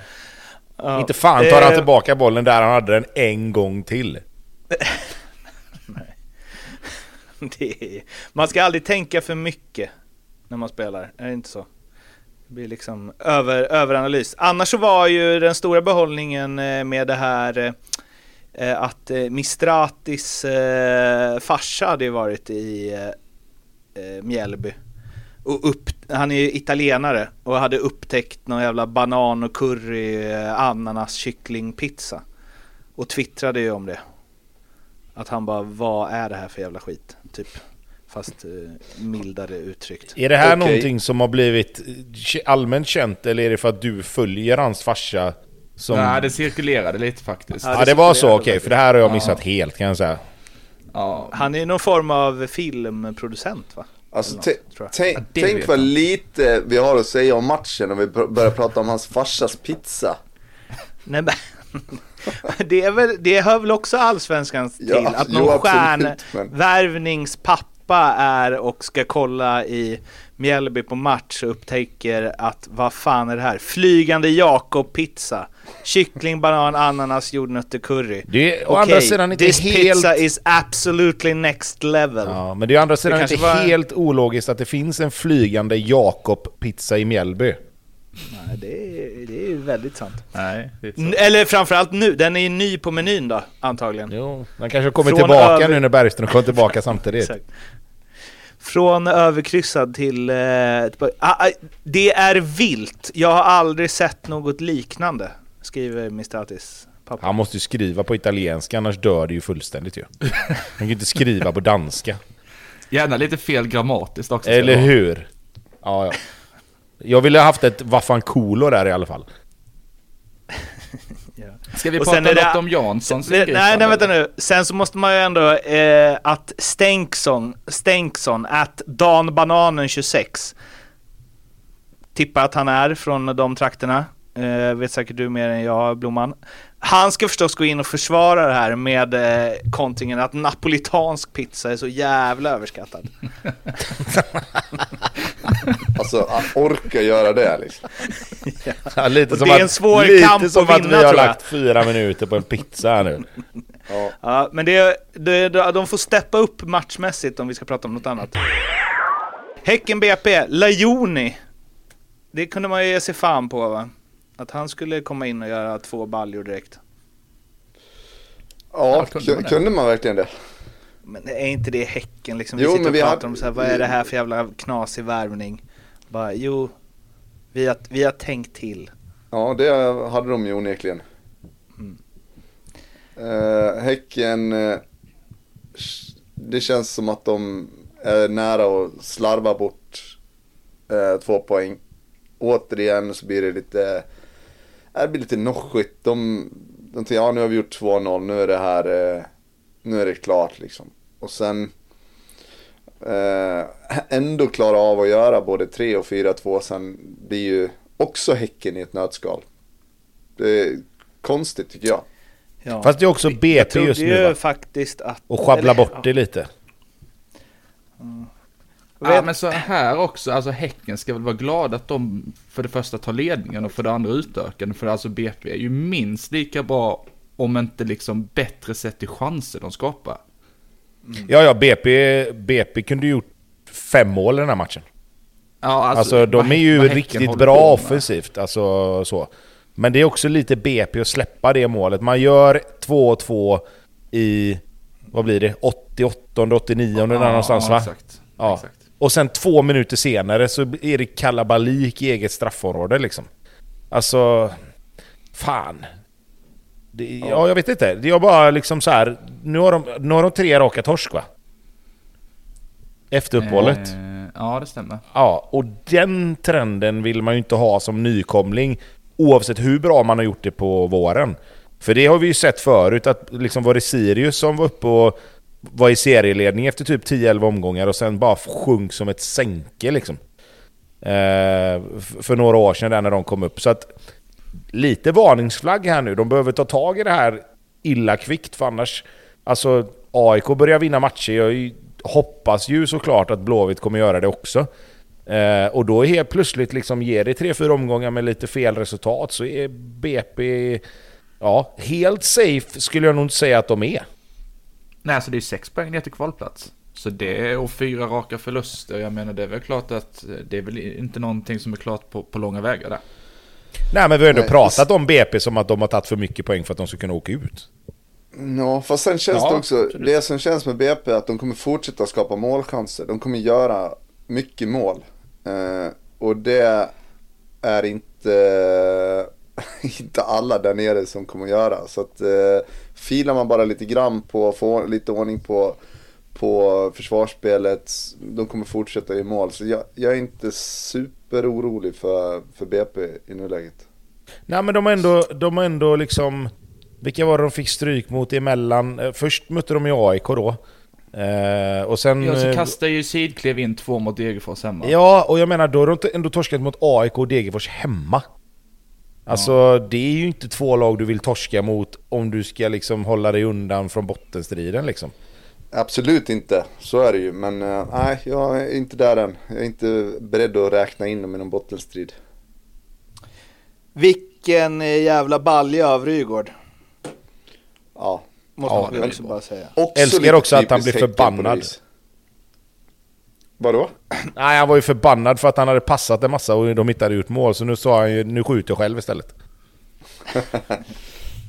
Väldigt faktiskt tecken när de inte riktigt får det att funka så bara äh. Ja, men det, var lite det, jag, det, var, det var lite det jag menade. Det går, det går inte på, på räls liksom för, för Häcken just nu. Men då, då finns all, alltid kvaliteter som kommer att avgöra matcher åt dem. Och, Eh, jag tänkte, jag var, inne, eller jag var inte inne på det, men jag tänkte när vi pratade om, om Malmö.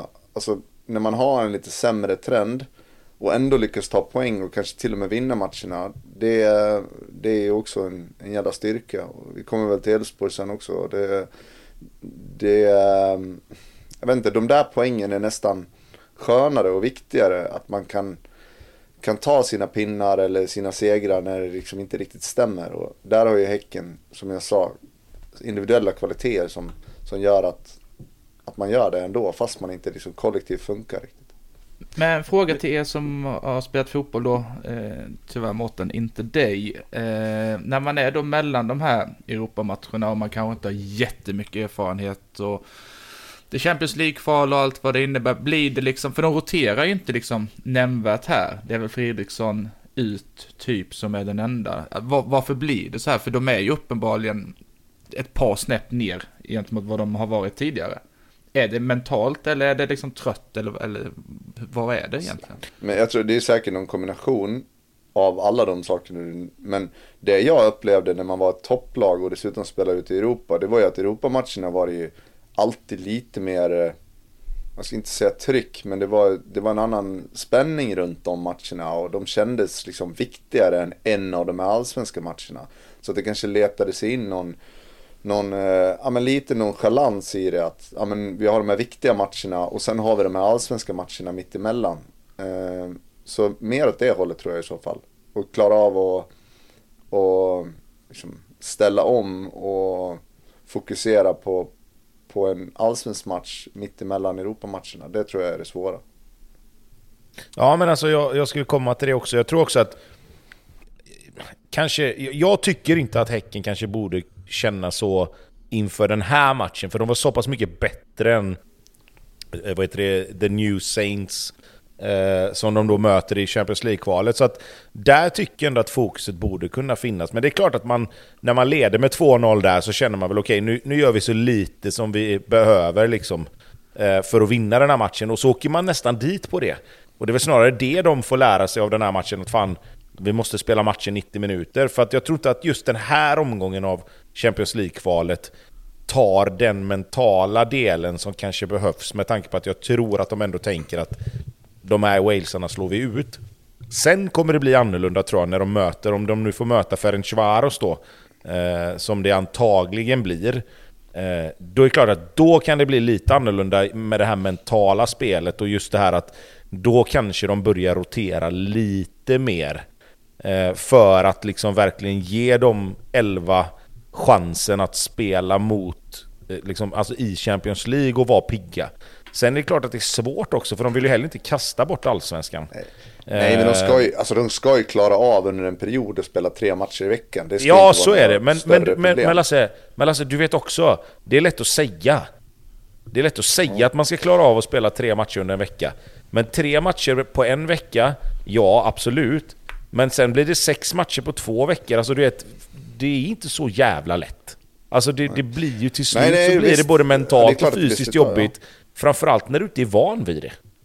Men jag tror att en sak- utifrån så upplever man det, det, jag tror ändå att det är en skillnad. Nu frågade du Andreas, så det var inte så att jag menar att det var, jag försöker bara svara. Alltså, utifrån så känns det som att, ja men allsvenskan kanske är det viktigaste som finns. Men för spelare och för klubbarna så finns det en helt annan tyngd i Europamatcherna. Man går in för dem till 100-100%.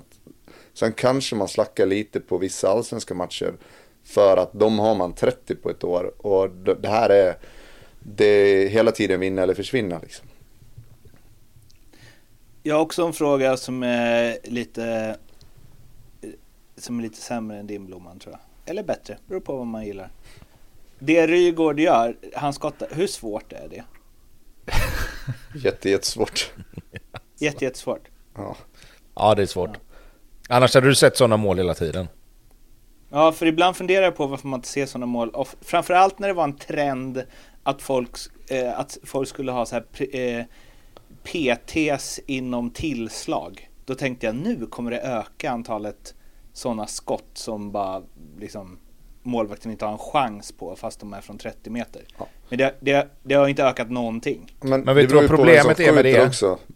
Men kolla på, kolla på Jesper Karlsson. Jag vet inte hur mycket ni har följt honom i AZ. Men han gör ju ett sånt där varannan vecka. Och han körde ju PT. Så det kanske ligger något i det.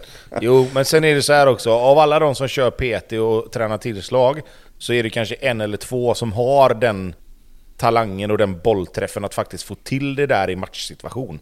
Alltså det är ju lätt att... Du kan ju lägga upp tio bollar på, på en eh, träningsplan och gå fram helt ostörd och smacka dit den Fyra av tio liksom.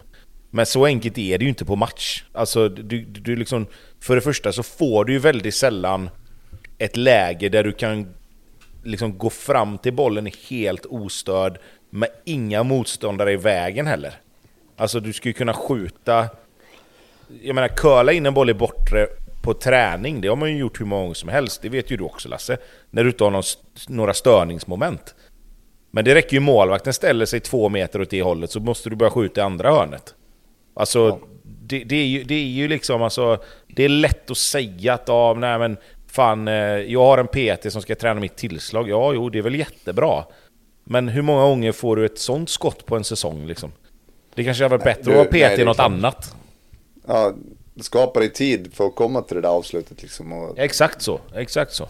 Men intressant att du säger Jesper Karlsson där. Jag försöker tänka ut en annan, någon annan spelare.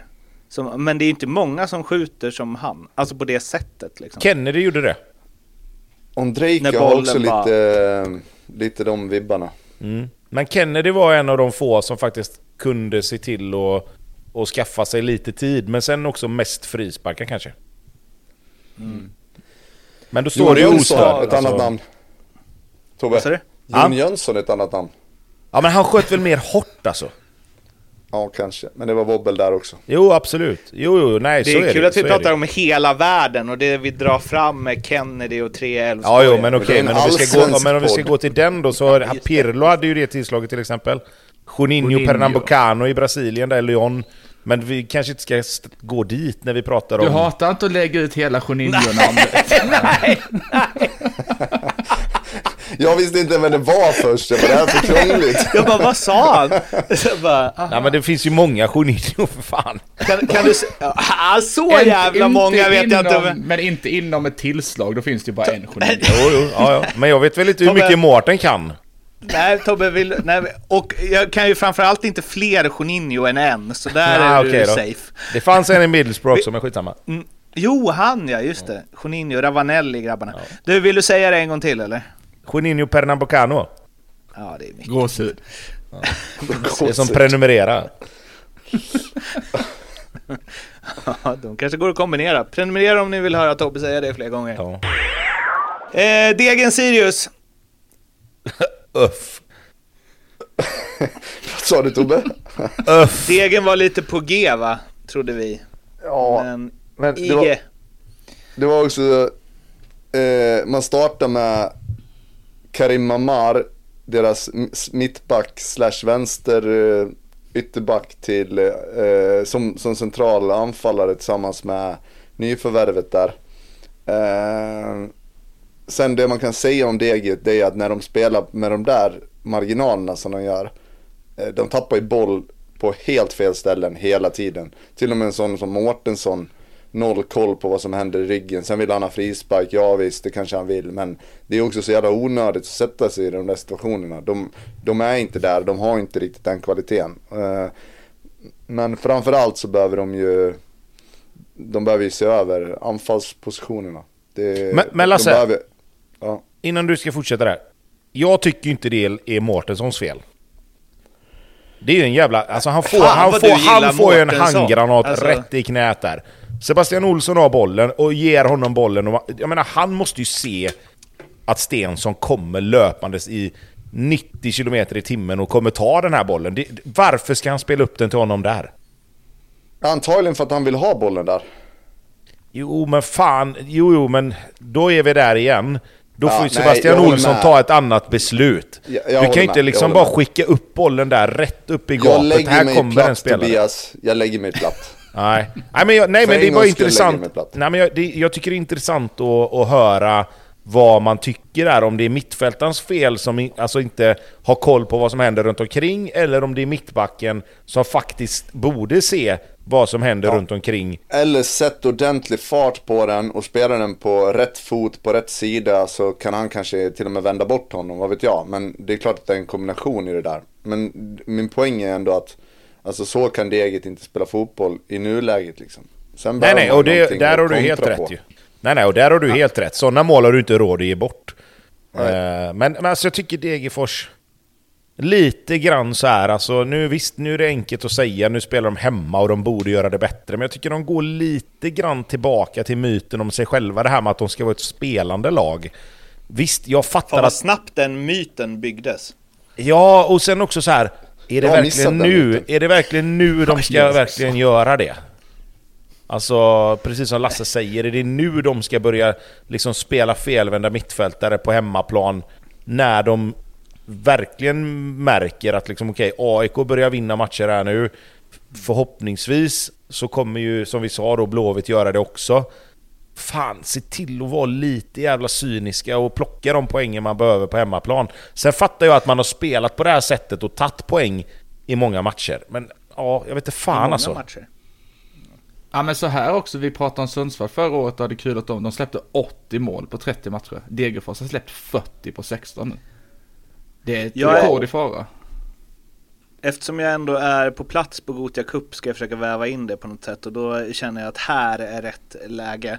För att alltså, vad, det känns som att det där sipprar neråt. Eh, ja men för jag har stört mig lite på när la, alla lag här ska ju också spelas liksom. Det ska spelas igenom varenda jävla gång. Alltså man ser liksom så här. Bara den där killen har liksom två spelare runt sig. Det är klart att de kommer ta bollen. Och så eh, ska det ändå in där och tränarna står bra grabbar, det är spelet som räknas och utvecklas. Alltså så här, det, så känns det, nu är det förstås på en mycket, mycket högre nivå, men så känns det också i liksom allsvenskan. Så här, vi ska spela till varje pris och vi har vårt sätt Men- att spela på. Det, det är som att så här, vi, ska ni inte bara, ska ni inte försöka ta poäng istället? Nu kommer en harang här, men häng med.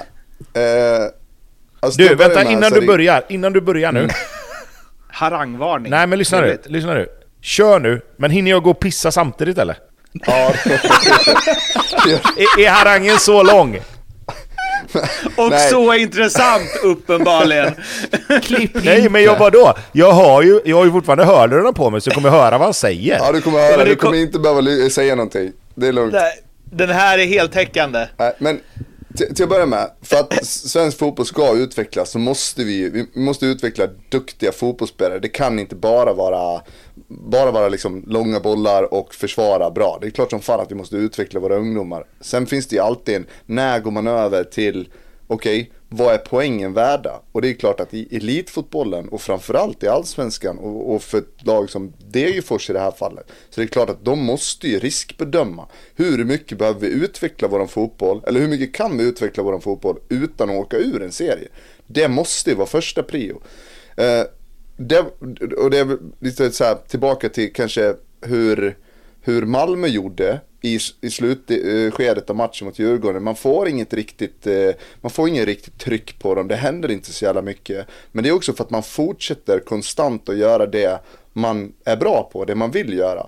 Eh, om det är rätt eller fel, ja det kan ju bara de veta eller tycka någonting om egentligen. Jag kan tycka att det är skönt att man att man liksom fortsätter att göra det man är trygg i. Jag vet att, jag tror det var Tobias Linderoth som sa en gång att, men hur kommer det sig att man skickar fram fem gubbar i straffområdet och slår långa bollar när man ska göra mål? Varför gör vi inte alltid det i så fall? Och där finns en, en jävla poäng i tycker jag. Alltså om det går ut på att göra mål och ni tycker att det här är det bästa sättet att göra det på. Ja men gör det då för fan. Det, det, ni ska ju vinna matcher. Eh, I Malmös fall så kan man ju säga åt andra hållet då. Ja, men vi tycker att vi är bäst på det här. Vi går inte ifrån den modellen för att vi ligger under med 1-0 eller för att vi ligger under med 2-0. Vi tror att det här är det bästa sättet att göra mål på. Och det tycker jag också är lite beundransvärt i det här fallet. Sen faller de på det, men, men eh, eh för att försöka sy ihop den här harangen och, eh, och, och liksom ändå hitta någon poäng i det så Alltså med ungdomar så måste vi låta dem försöka göra de svåra sakerna och försöka göra det som vi kanske eh, som inte är den lätta vägen ut. Utan ja, men ni får försöka göra det och det är okej okay att ni misslyckas. Men till slut så hamnar man i en situation där det blir elitfotboll. Och då, då måste det vara riskbedömning i det och det gör inte Degerfors i det här fallet. Men, får jag svara på det här? Har du pissat klart? Jajamän. Jajamän. Men du, jag tänkte på det du sa det här med att man inte går ifrån och det som Tobias Linderoth sa det här med att ja, men om vi tycker att det är bästa sättet att göra mål på. Det är det ju inte. Nej, men, men, han, det, var inte, men... det var inte han som sa det, jag ska bara tillägga det, det var inte han som sa det om sitt lag, utan det var mer en diskussion, i en diskussion där, okej okay, om det är bästa sättet, om, jo fast det är det, det ju inte. Jo, men, jo fast vänta nu. Det sättet är ju inte det bästa sättet att göra mål. Men om du väljer att göra det så har ju det sättet som du har försökt på och som du är trygg med, det har ju inte funkat. För du forcerar ju inte när du leder med 2-0. Okej, okay, så då har du tränat på någonting i si och så många månader, att det här ska vi försöka ge mål på. Och sen för att det inte riktigt funkade, då gör vi någonting helt annat. Och nej, men, nej, men i en, en, nej men i en enstaka match så kan du ju liksom, alltså så här. Som Malmö då till exempel. De är ju så pass bra att i 24 matcher av 30 så kommer det funka det sättet som de spelar på. Men så kommer det komma matcher ibland under en säsong där det inte riktigt funkar. Och då behöver man göra någonting annat. Och det är ju samma som, eh, som alla lag. Det man tror på, det är det man spelar. Du har ju en filosofi och så spelar du på det sättet. Men så ligger du under med 1-0 i en match. Uppenbar, eller 2-1 eller vad det nu kan vara. Liksom. Uppenbarligen då så är inte det sättet som du vill spela på, och det sättet du har tränat på, har inte funkat i just den här matchen, för du ligger ju fortfarande under. Då måste du börja tänka på ett lite annorlunda sätt. Det är skillnad tycker jag om du skapar målchanser på löpande band, då är det klart att du ska fortsätta med det som du alltid har gjort. Men så var det ju inte för Malmö mot Djurgården om vi nu ska fastna vid den matchen då. Då måste du göra någonting annat för att ge dig chansen. Okej, okay, det här är inte det vi vill göra. Men det vi vill göra har inte funkat i den här matchen, så då behöver vi göra någonting annat.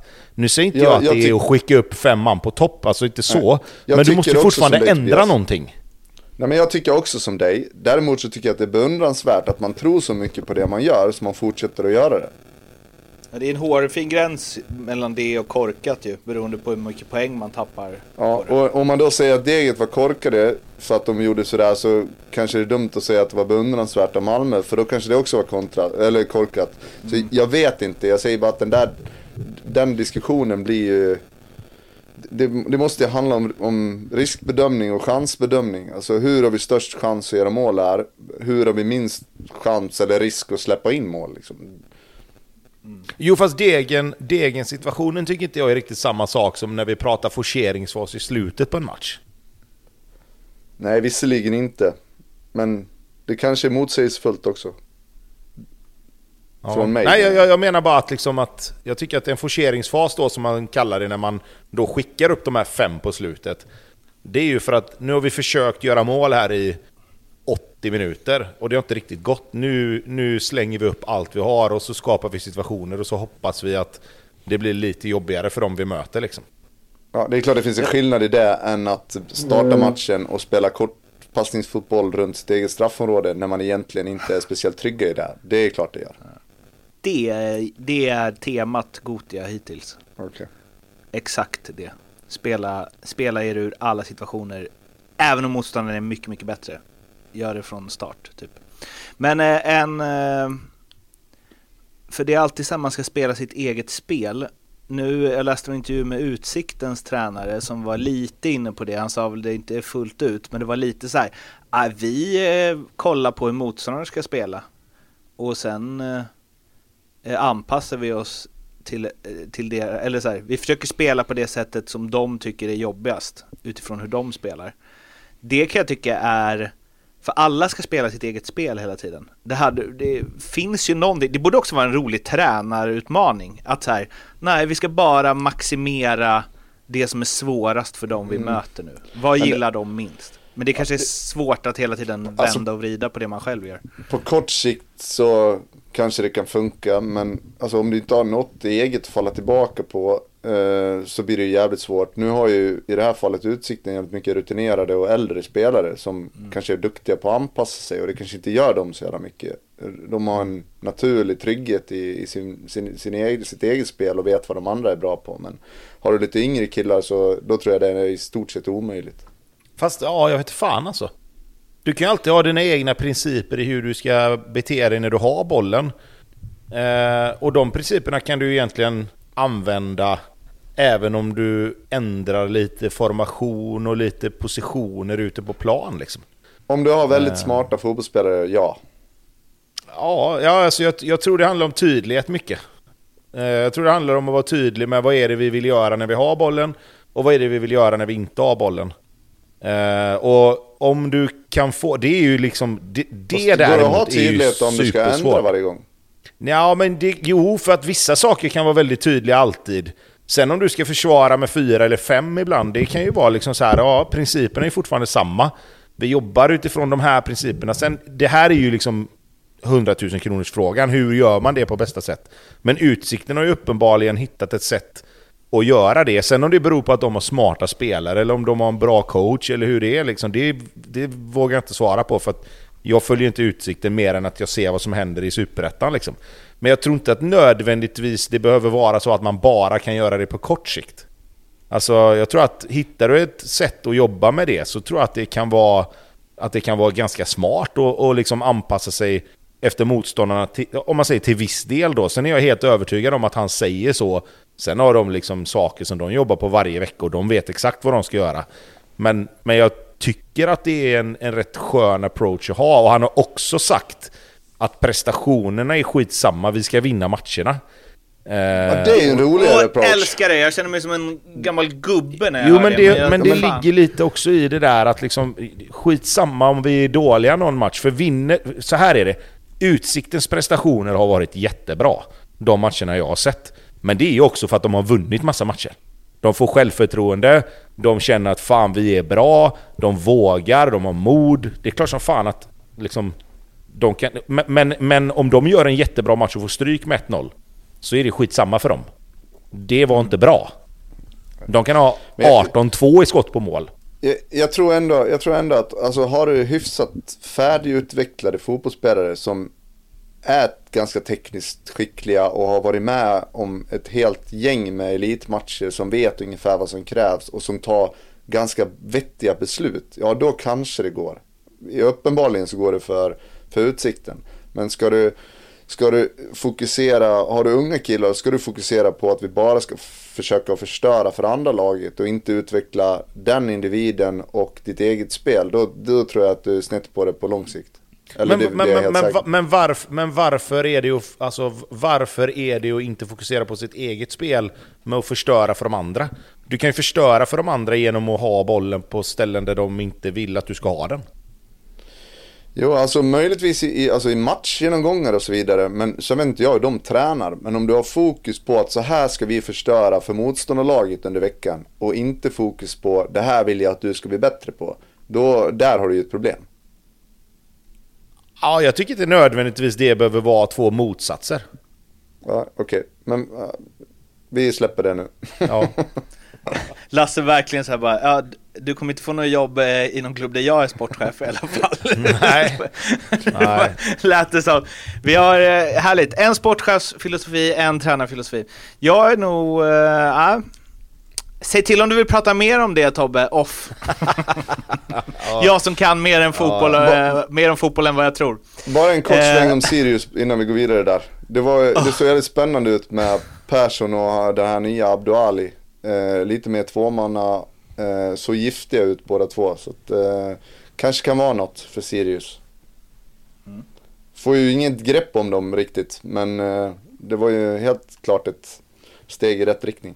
Det känns som att det är Sirius de senaste säsongerna, man får inte riktigt eh, grepp. Värnamo, eh, Halmstad 2-2. Um, viktig 2-2 match. Eller? Ah. Halmst eller Värnamo är väl mest nöjda med den? Nej, är de det då? De ledde ju med 2-0. Jo, men sett till poängen. Alltså, jo, men det, jo, det, kän, det känns som det börjar knapras in där ja, nere. Men, jo, kanske och innan, allt är värt. Ja, innan matchen kanske eh, hade jag nog kunnat köpa det, men med tanke på hur det blev så, så tror jag inte de är nöjda. Eh, det vi kan konstatera är ju att Värnamo har gjort ett bra nyförvärv i, i Gustav Engvall. Eh, jag trodde ju att han skulle ha lite svårare att, prestera i ett sånt lag, men han gör det otroligt bra. Eh, sen är ju andra målet är ju, jag vet inte, det är på gränsen ja, är till en målvaktstavla tycker ja, jag. Ja, det är alltså. klart det är en tavla. Är eh, men, men, oavsett så, så är det ju så, har du lite flyt och får lite medgång så då sitter ju sådana bollar liksom. Eh, Halmstad är, fan jag tyckte de var så djävulskt bra på hemmaplan. Eh, men jag såg dem mot Blåvitt och nu såg de mot Värnamo och även om de får oavgjort med sig i båda de matcherna så tycker jag ändå att fan, det, det klickar inte riktigt i hemmaspelet för Halmstad. Nu slog de ju Norrköping borta så det är egentligen skitsamma. Nu har de börjat vinna borta och tappa poäng hemma istället. Men ja, jag vet, fan, jag vet inte riktigt. Jag tycker Halmstad gör det otroligt bra ska sägas. Alltså, de har fortfarande gjort en helt otrolig säsong oavsett vad man tycker om, om just den här matchen. Men jag tycker att det finns saker... Det, det är lite konstigt att de inte vinner de här matcherna mot Blåvitt och Värnamo tycker jag, med tanke på hur de ser ut i, i, i mycket av spelet och i, i mycket, alltså helheten ser ändå rätt bra ut, men, men de får liksom inte riktigt den här... De får, de har inte riktigt marginalerna med sig på hemmaplan längre, så kan man säga. Hade du eh, tagit Engvall i Blåvitt eller? Ja, ja, såklart. Det var vi ju inne på redan när, när han gick till Värnamo. Och även om jag trodde att han skulle få svårt så är det fortfarande en spelare som jag som jag hade velat se i Blåvitt. Sen kanske det är också färgat av det man har sett nu. Det kan hända att jag sa något annat då. Nej, du sa det tidigt. Jag att jag ville ha han i Blåvitt. Ja. Fan vad skönt att jag, vad skönt att jag ändå är konsekvent då. Um, nej men alltså jag tycker ju Gustav Engvall är en spelare som har lite annorlunda kvaliteter än de som finns i Blåvitt nu. Uh, han kan göra lite på egen hand. Han har lite speed framförallt uh, där fram. Uh, så att, uh, ja, frågar du mig nu igen om uh, Blåvitt skulle kunna få tag i Gustav Engvall till nästa år, så absolut. Och Alamari hade ni haft lite nytta av också kan jag säga. Men han ska ju tillbaka nu snart. Eh, så jag hoppas att den nya tränaren nu, han har ju inte varit rädd att sätta in, sätta in nya spelare, så jag kan väl hoppas att, att Alamari kanske... tillbaka nu snart? Var han lån på ett halvår? Han, är, han ska tillbaka om någon vecka eller två va, till Blåvitt. Nej, är det jag så? Jag tror det. Uh, oj, oj. Så att där hoppas jag ju verkligen att uh, Asko tar en ordentlig jävla titt och verkligen ger honom chansen nu. Med tanke på... Han behöver väl inte ens ta en titt? Det är väl bara att slänga in? Jo, men det har vi tyckt om många spelare genom åren. Uh, och nu har inte Asko varit tränare, men han har inte varit rädd för att ändra. så att jag kan väl se att Alamari kommer få sina chanser i, i Blåvitt liksom. Eh, och kanske är det det som behövdes, att det kom in en ny tränare, för att jag tycker ju att det är slöseri att ha en sån spelare i en annan klubb. Ja, det får man säga. Fan, Engvall kanske är den spelartyp i och för sig som man så mest, eh, alltså när det låser sig för ett lag, så känns det som, han flyter lite fritt. Han kör sitt race. Spelar inte så stor roll hur det går för resten och vad de Nej, Han och sen, sig nej, noll och, efter Och sen tycker jag också så här att det som Gustav är så jävulst bra på, som är svårt att spela med, som jag också har sagt, det är att man vet aldrig riktigt vad han ska göra. Eh, normalt sett så när du spelar med två forwards, så liksom, säg att jag har spelat med typ Mikael Boman eller Hannes Stiller eller Pontus Wernbloom, då vet du liksom okej nu kommer bollen här, då gör han så här. Men Engvall var lite tvärtom, han kunde vända liksom åt fel håll. Och då, är det, då var det svårt att förhålla sig till det, att man ställer sig och tar en position liksom där bara, men här kommer nog bollen komma. Aha, han gjorde så här. Då får du helt plötsligt bara, nej men fan, då måste jag ta vägen någon annanstans. Och det är ju en jävla styrka när det går bra. För att då får han ju med sig bollen och då ser ju allting ut att gå så jävla bra. Eh, så nu när det ändå flyter på för honom så är det ju bara att hoppas att han, att han fortsätter att ha det självförtroendet och gör saker som, som, eh, som han gör. Liksom. Ja, vi har ju sparat det bästa vet fan, men eh, det där Det vi... beror väl på vem du frågar. Verkligen. Men där vi borde vara mest initierade i alla fall. Eh, Och det började jättebra eftersom jag har för mig att de sista orden om den inför den här matchen var antingen så blir det uddamålsseger för Blåvitt eller så blir det storseger för Elfsborg. Finns inget mellanting. Mellantinget fick vi. 1-1. Och eh, jag antar att en av er är mer nöjd än den andra. Ja, börja han som är nöjd då. Jag är inte nöjd. Det, det ska du vara. Nej, det ska jag inte alls vara. Eller pissmål de släpper in. Incoming, Ja, nej, men- pissmål man- till höger, 1, 2, nej. Eh, nej, det är klart. Nej, men skämt åsido. Skämt åsido. Eh, 1-1 borta mot Elfsborg är givetvis ett eh, jättebra resultat för, för Blåvitt. Ehm, tycker att de gör någonting som många lag haft svårt att göra mot Elfsborg, det är att få ner farten på dem.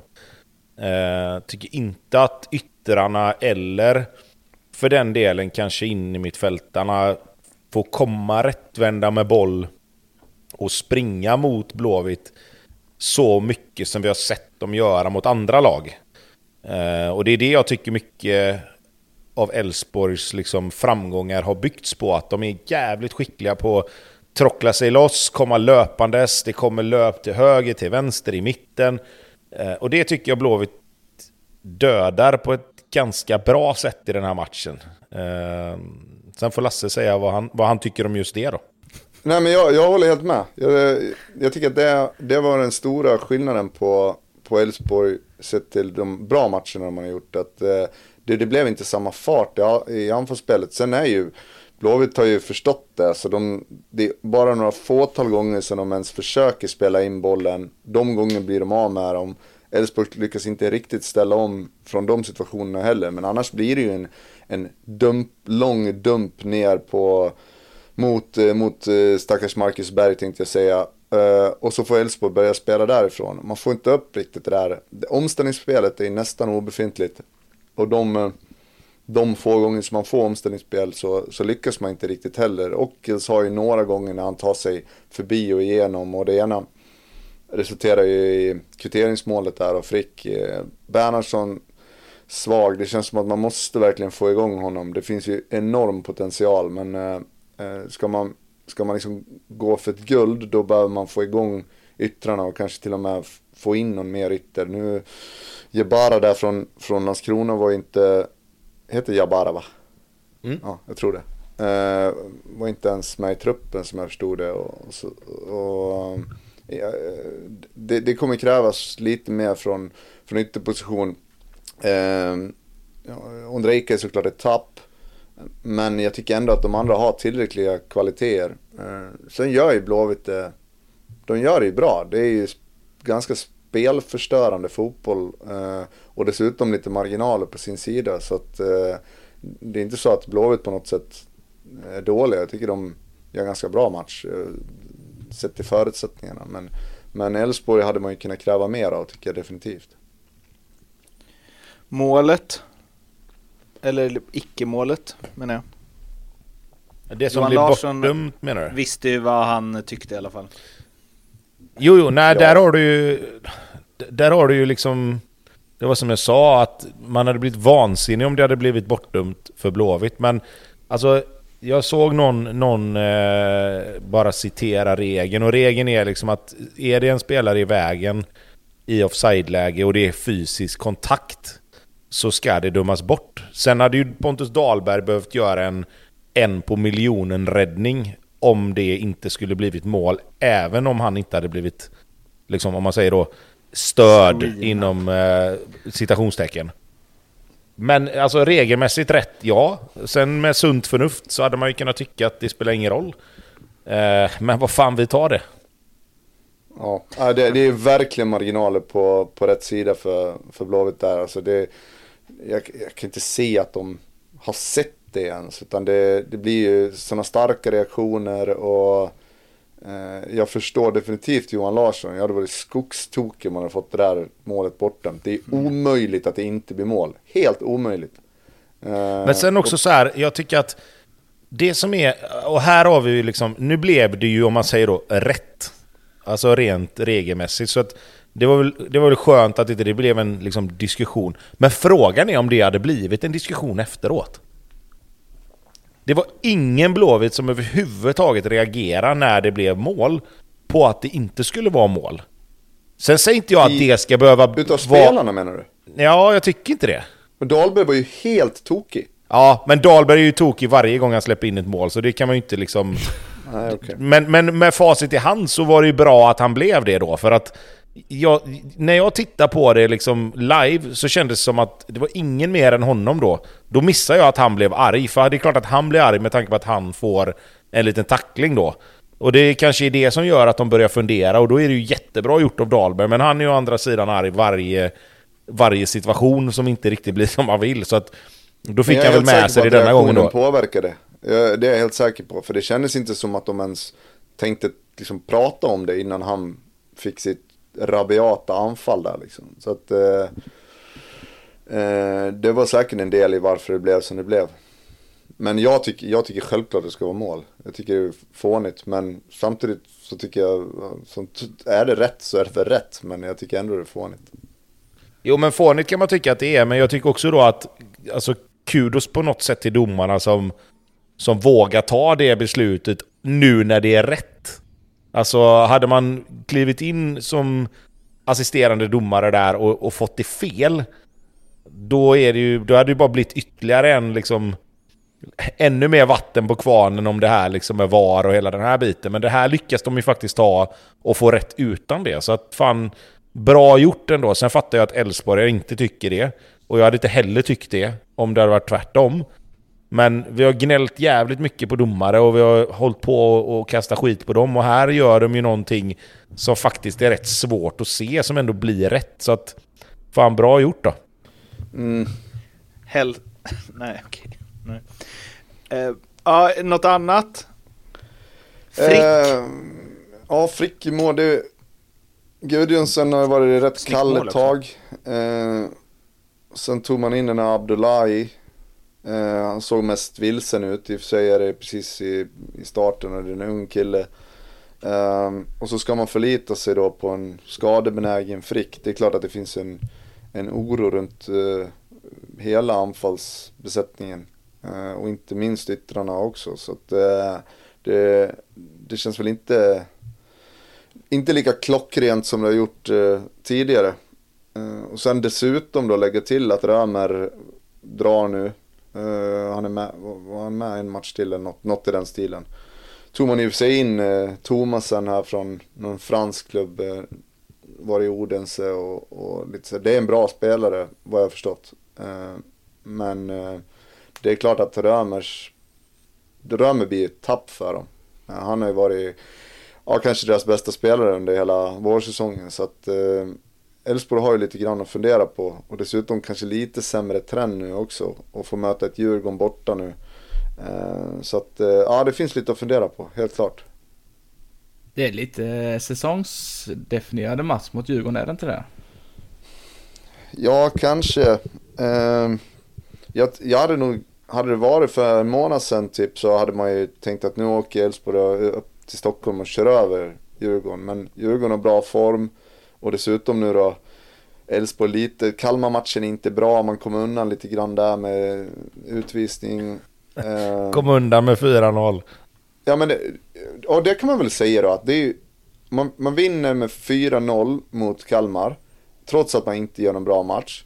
Eh, man tar ändå en poäng mot Göteborg när man inte har gjort en speciellt bra match. Om man då jämför med, med ja, Malmö, de senaste två matcherna, noll poäng i lite sämre, eh, lite sämre insatser. Så att eh, det är ju också, det, är ju, det finns ju något där. Det är ju en styrka liksom. Och ändå skrapa ihop pinnarna när det, när det går lite sämre. För att ett lag kommer inte hålla över 30 omgångar och vara superbra hela tiden. Så funkar det inte. Utan det handlar ju om att klara av att vara, ta poäng när man är mindre bra.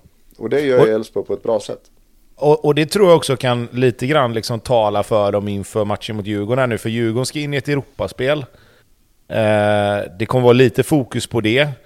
Så att jag tror att Elfsborg har rätt bra chans att åka upp dit. Och framförallt det här liksom som... Nu, Malmö är ju i samma situation, de har inte heller något Europaspel. Men det som framförallt liksom Elfsborg och, och Malmö har, som inte kanske Djurgården och Häcken då har eh, uppemot liksom de här veckorna som kommer nu, det är att en sån, ett sånt nyförvärv som, som Thomasen, han kommer man ju kunna träna in i systemet och filosofin man vill spela. För du kommer kunna träna som vanligt i veckorna som kommer. Djurgården har också lite nyförvärv, Häcken har också lite nyförvärv, men de har inte lika mycket tid att träna. Utan där kommer du ha liksom dagen före match, dagen efter match, mer eller mindre hela tiden så länge du är kvar i Europa. Och det tror jag kan tala för Elfsborg, att de kommer kunna liksom ta den tiden de behöver för att få in liksom Thomasen, för att få in Abdullahi, för att kunna liksom träna sig ur, om man säger då, som du säger Lasse, det här att det inte har sett riktigt lika bra ut. Den lyxen har ju inte Häcken och Djurgården riktigt. Nej, så är det verkligen. Häcken har, det var Dilchen som la upp eh, att de har, eh, de är halvtidsmästare med poängrekord. Det var Elfsborg eh, som var det väl? Jag sa väl det? Nej, Häcken. häcken. Ja, ja, det är gult och svart. Eh, men 36 eh, eh, har de tagit. Kalmar tog 35-08 när de vann. Helsingborg tog 35 2010. Känns det så? Jag vill prata om det. Är inte det något att prata om? Nej. Menar, om det känns som att Elfsborg har varit bäst någonsin sedan det blev 16 lag? Ja. Nej, det känns inte så. Nej. Det finns andra lag som jag hade tänkt på då i så fall som kanske... Ja. ja. absolut. Man tar stryk i en premiär och sen har inte förlorat en match sedan dess. Det är klart att det är ruggigt bra. Det är en ruggigt bra vår. Ja, ja alltså Elfsborg har varit skitbra. Som tyder, det är inte jättemycket som tyder på att det inte ska fortsätta. Man har haft en lite svagare period men fortsatt tagit poäng. Så att eh, mm. jag tycker även fast det finns saker att fundera på så fan, Malmö har betydligt mer att fundera på Häcken har Europaspel och, och sen, går inte heller på, som på räls. Liksom. Det är väl, väl Djurgården då som har börjat komma igång. Liksom. Men jag, nej men jag, alltså Elfsborg har varit skitbra Lasse, jag, jag säger absolut ingenting om det. Men, men det, det som var frågan var väl, ha, hade man känslan att Elfsborg varit bäst någonsin sen det blev 16 lag i Allsvenskan under våren? Inte alls, var mitt svar på den frågan. Nej, det var, nej, det var mer det jag kände också, att fan det, kan de ju, det känns inte som, men det har de ju uppenbarligen. Så att, men, nej, bra gjort liksom. För att det är så, man känner ju inte det för att det är så tight. Typ. Alltså jag menar Malmö hade ju slagit det där rekordet med hästlängd om de inte hade bränt liksom Mjällby hemma och, och kryssat igår till exempel. Men så kan du ju inte säga. Fast så kan man ju säga om alla lag i så fall. Matcher. Jo, fast så är det ju också, och det har vi varit inne på innan. Alltså hade det varit ett storstadslag som hade gjort den här våren som Elfsborg har gjort, då, då hade det pratats Chock. om de här grejerna hela tiden. Och det är klart att... Lagerbjälke 50 millar. Till exempel. Ja, ah, det vet jag inte. Fast han är ju å andra sidan... att det större, de där, det där, de ja. där diskussionerna hade varit gigantiskt mycket större. Och tänk så här, och tänk så här med. Ta, alltså Lagerbjälke spelar ju inte premiären. Sen efter han kom in så har Elfsborg inte förlorat en match. Tänk på det han gjorde i Degerfors förra året när han blev utlånad dit. Den spelaren hade, hade varit typ värd 50 mille i... om han hade gjort likadant i två andra lag. Jag hörde att han hade typ, och nu kan jag inte exakt siffran, det blir också fel, men de avslutar ju galet bra deget. T- Tio raka utan förlust och sen spelar han inte premiären och sen har han nu då 15 matcher till utan förlust. Det, hade inte det... Alltså, inte Nej, nej, jag 50 säger det. Hade, hade har han spelat det i. Blomman. storlag så hade han varit värd 50 miljoner Ja. nu efter de här... Blomman, där får du... Efter det här där senaste får du, året.